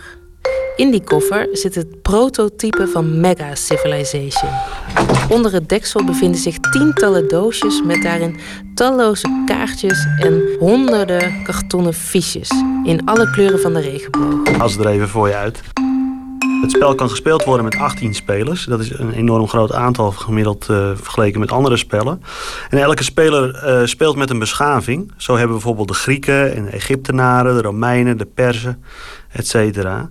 We, we, hebben hier uh, bevolking, steden, schepen. En die fiches gebruikt elke speler op het bord om zich te manifesteren. En dit is het prototype. Ja. Dus heb je dit zelf geknutseld? Ik heb het allemaal zelf geknutseld. Ik heb de tekeningen gemaakt. Ik heb dat op papier geplakt, op karton uitgesneden met de hand. Want met een snijmachine wordt het nooit zo nauwkeurig. Mega Civilization is een opvolger, of beter gezegd geïnspireerd op Civilization, een bordspel uit 1980 gemaakt door Francis Tresham. Flo de Haan herinnert zich nog goed dat hij dat spel voor het eerst in handen kreeg. Ik was meteen verkocht toen ik het in de winkel zag liggen.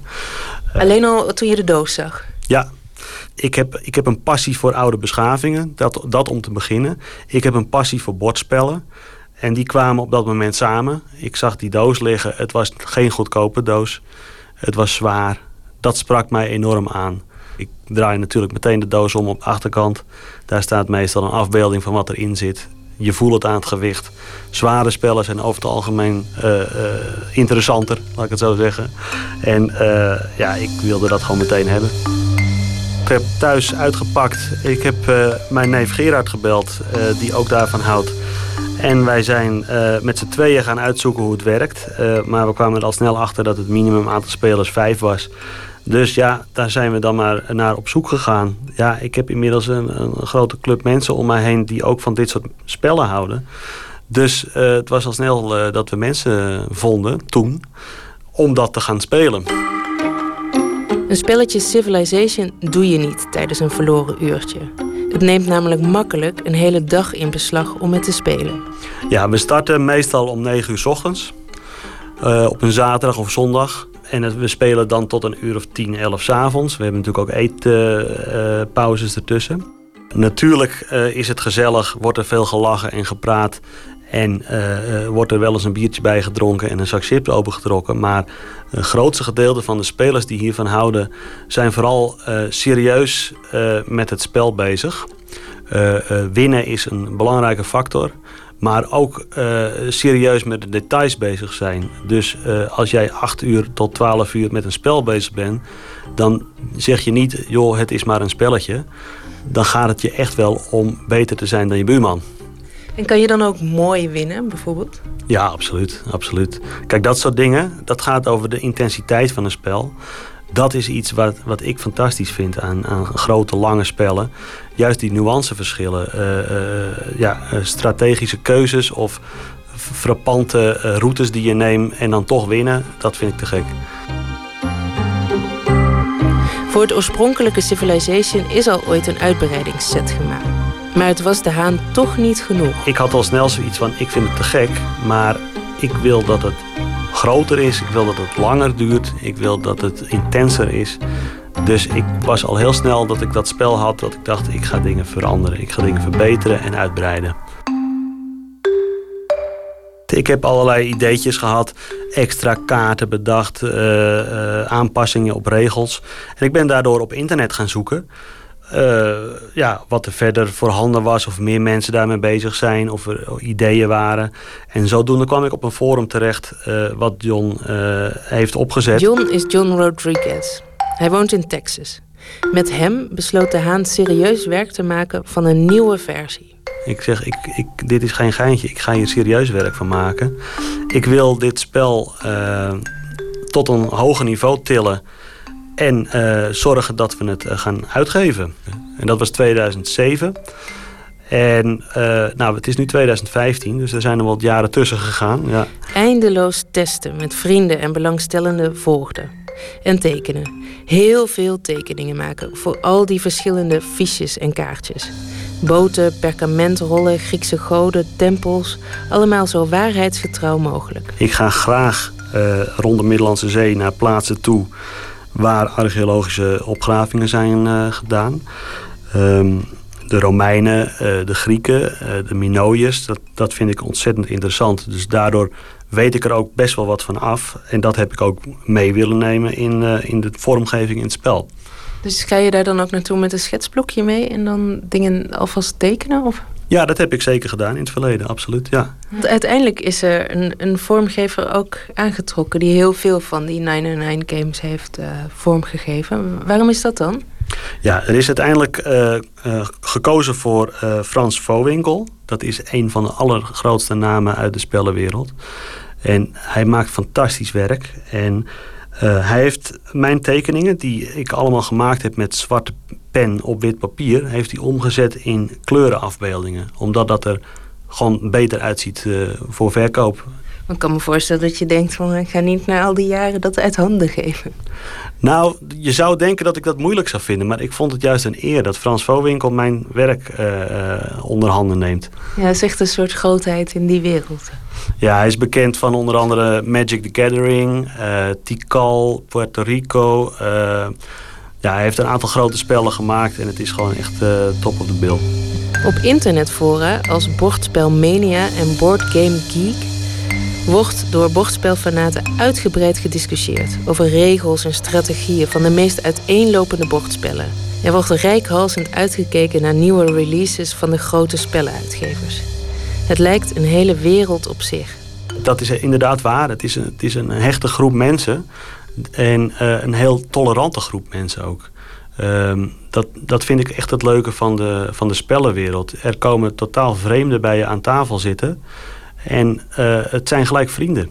Uh, mensen delen dezelfde passie en dat weet je. Je houdt van bordspellen, in dit geval je houdt van geschiedenis. Uh, dat wordt gelijk omarmd en geaccepteerd. Mensen vinden het leuk om over verhalen te praten, over historische gebeurtenissen. Mensen kunnen dat aanvullen. Er is gelijk acceptatie. Dat is ontzettend leuk. En met tolerant bedoel je dan ook dat, dat er wat gekkies rondlopen? Dat is een beetje. Dat is waarschijnlijk een voordeel, maar een beetje de, de, de geeks-achtige types uh, bij elkaar komen? Nou, dat vooroordeel is, is terecht. ja, het uh, zijn gewoon een beetje rare mensen ook wel bij. Nou, ik zeg niet dat het alleen rare mensen zijn. Maar er zijn rare mensen die ook van bordspellen houden.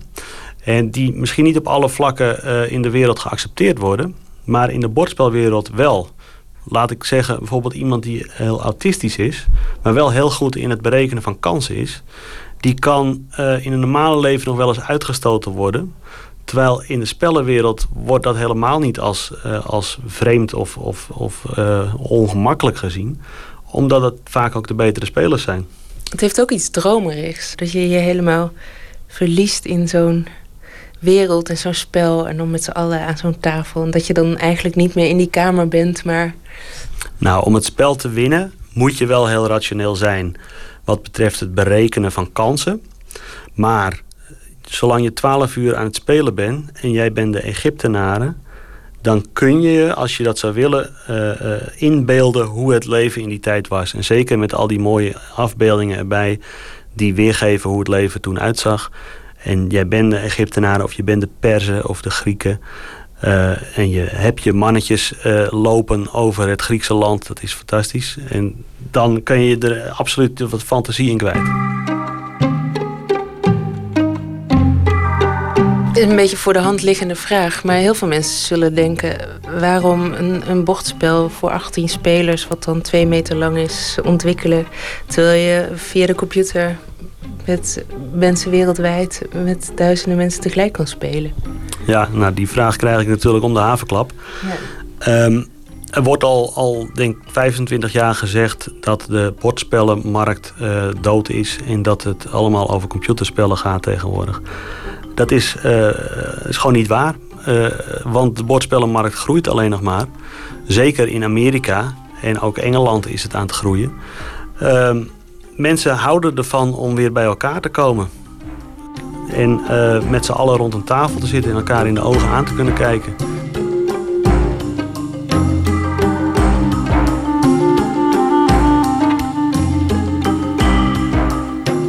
Emmy Colau in gesprek met Flo de Haan. Mega Civilization wordt begin oktober op de grote spellenbeurs in Duitsland gepresenteerd aan de hele wereld.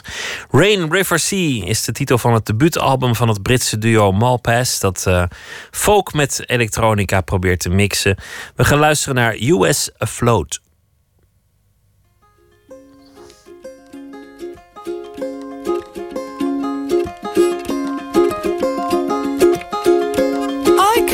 try.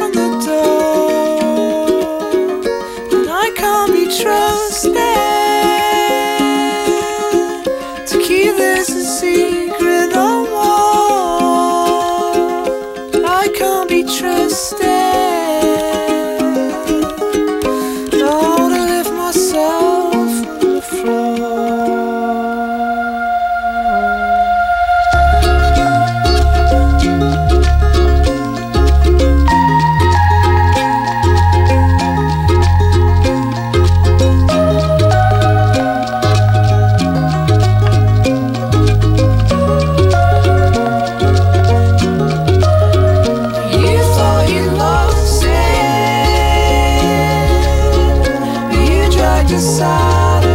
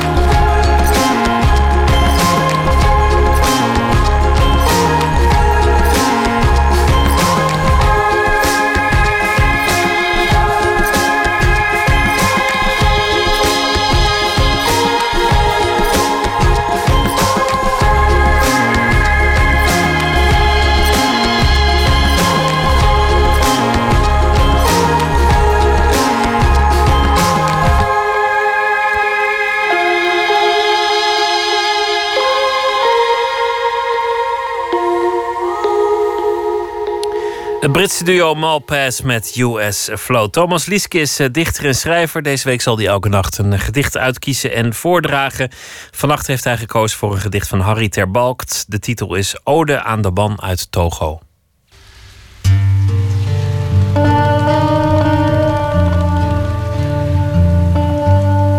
Een kort gedicht van Harry Terbalkt. Uit zijn bundel Vuur. Een bundel uit 2008. Harry Terbalkt schreef voornamelijk over de natuur, over boeren, over varkens, over het groen in de wereld, over de planten. En eigenlijk had hij een hekel aan de verstedelijking. En hij vond dat met de verstedelijking ook het onrecht in de wereld was gekomen. En hij vocht ook tegen het sociale onrecht. Hij geeft hier in dit gedicht een beeld van vluchteling die te midden van allerlei vreemde elementen, elementen die hij totaal niet kent en die hem zeer verbazen, in de wereld staat. En het blijkt dat er veel aandacht besteed wordt aan de vreemde elementen en aan de vluchteling eigenlijk helemaal niets.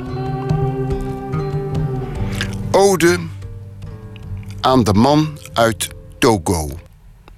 Elfstedentocht warrelt over het scherm. Als rook. Mag houtrook de zwaluw zijn onder de rookvogels? Perzisch glijden de elfstedenrijders over het ijs, als de neerslaande rook uit oude ijzergieterijen. Snelheid is nu alles. En snel eilt de rook voorbij. Maar ik sta op de rivier, zegt de man uit Togo, staand op het kanaal. En daar is mijn huis, zegt hij, wijzend op de splinterbarakken haast buiten beeld. Vrolijke zon schittert in zijn hoofd. Op schaatsen achter zijn stoel lacht hij naar de koude camera. Ik zou tol moeten heffen voor mijn huis en rivier. De pijlsnelle Elfstedenrook rent echter westwaarts. Een gedicht van Harry Terbalkt, gelezen door Thomas Lieske. Morgen zal hij weer een uh, gedicht uitkiezen en voordragen in dit programma. Morgen is uh, André Kuipers uh, te gast, ruimtereiziger. Hij heeft een laatste reis gemaakt waar hij vijf maanden maar liefst in de ruimte verbleef, in het ruimtestation. En daar draaide hij ook af en toe muziek van de componist Holst, maar ook van Johan Strauss en van Stanley Kubrick. En 30 augustus zal het Rotterdams Philharmonisch Orkest deze stukken in Amsterdam ten gehore brengen. En Kuipers die zal daarbij iets vertellen over het leven buiten de Damkring en wat hij daar heeft meegemaakt en wat het hem heeft geleerd. En over uh, de muziek in het buitenaardse. Morgen dus een gesprek over uh, ons blauwe bolletje gezien vanuit een ruimtestation. Wens ik u nu een hele goede nacht. Zometeen uh, topradio met Kees Dorrestein. En ik hoop dat u morgen weer luistert. Een hele goede nacht.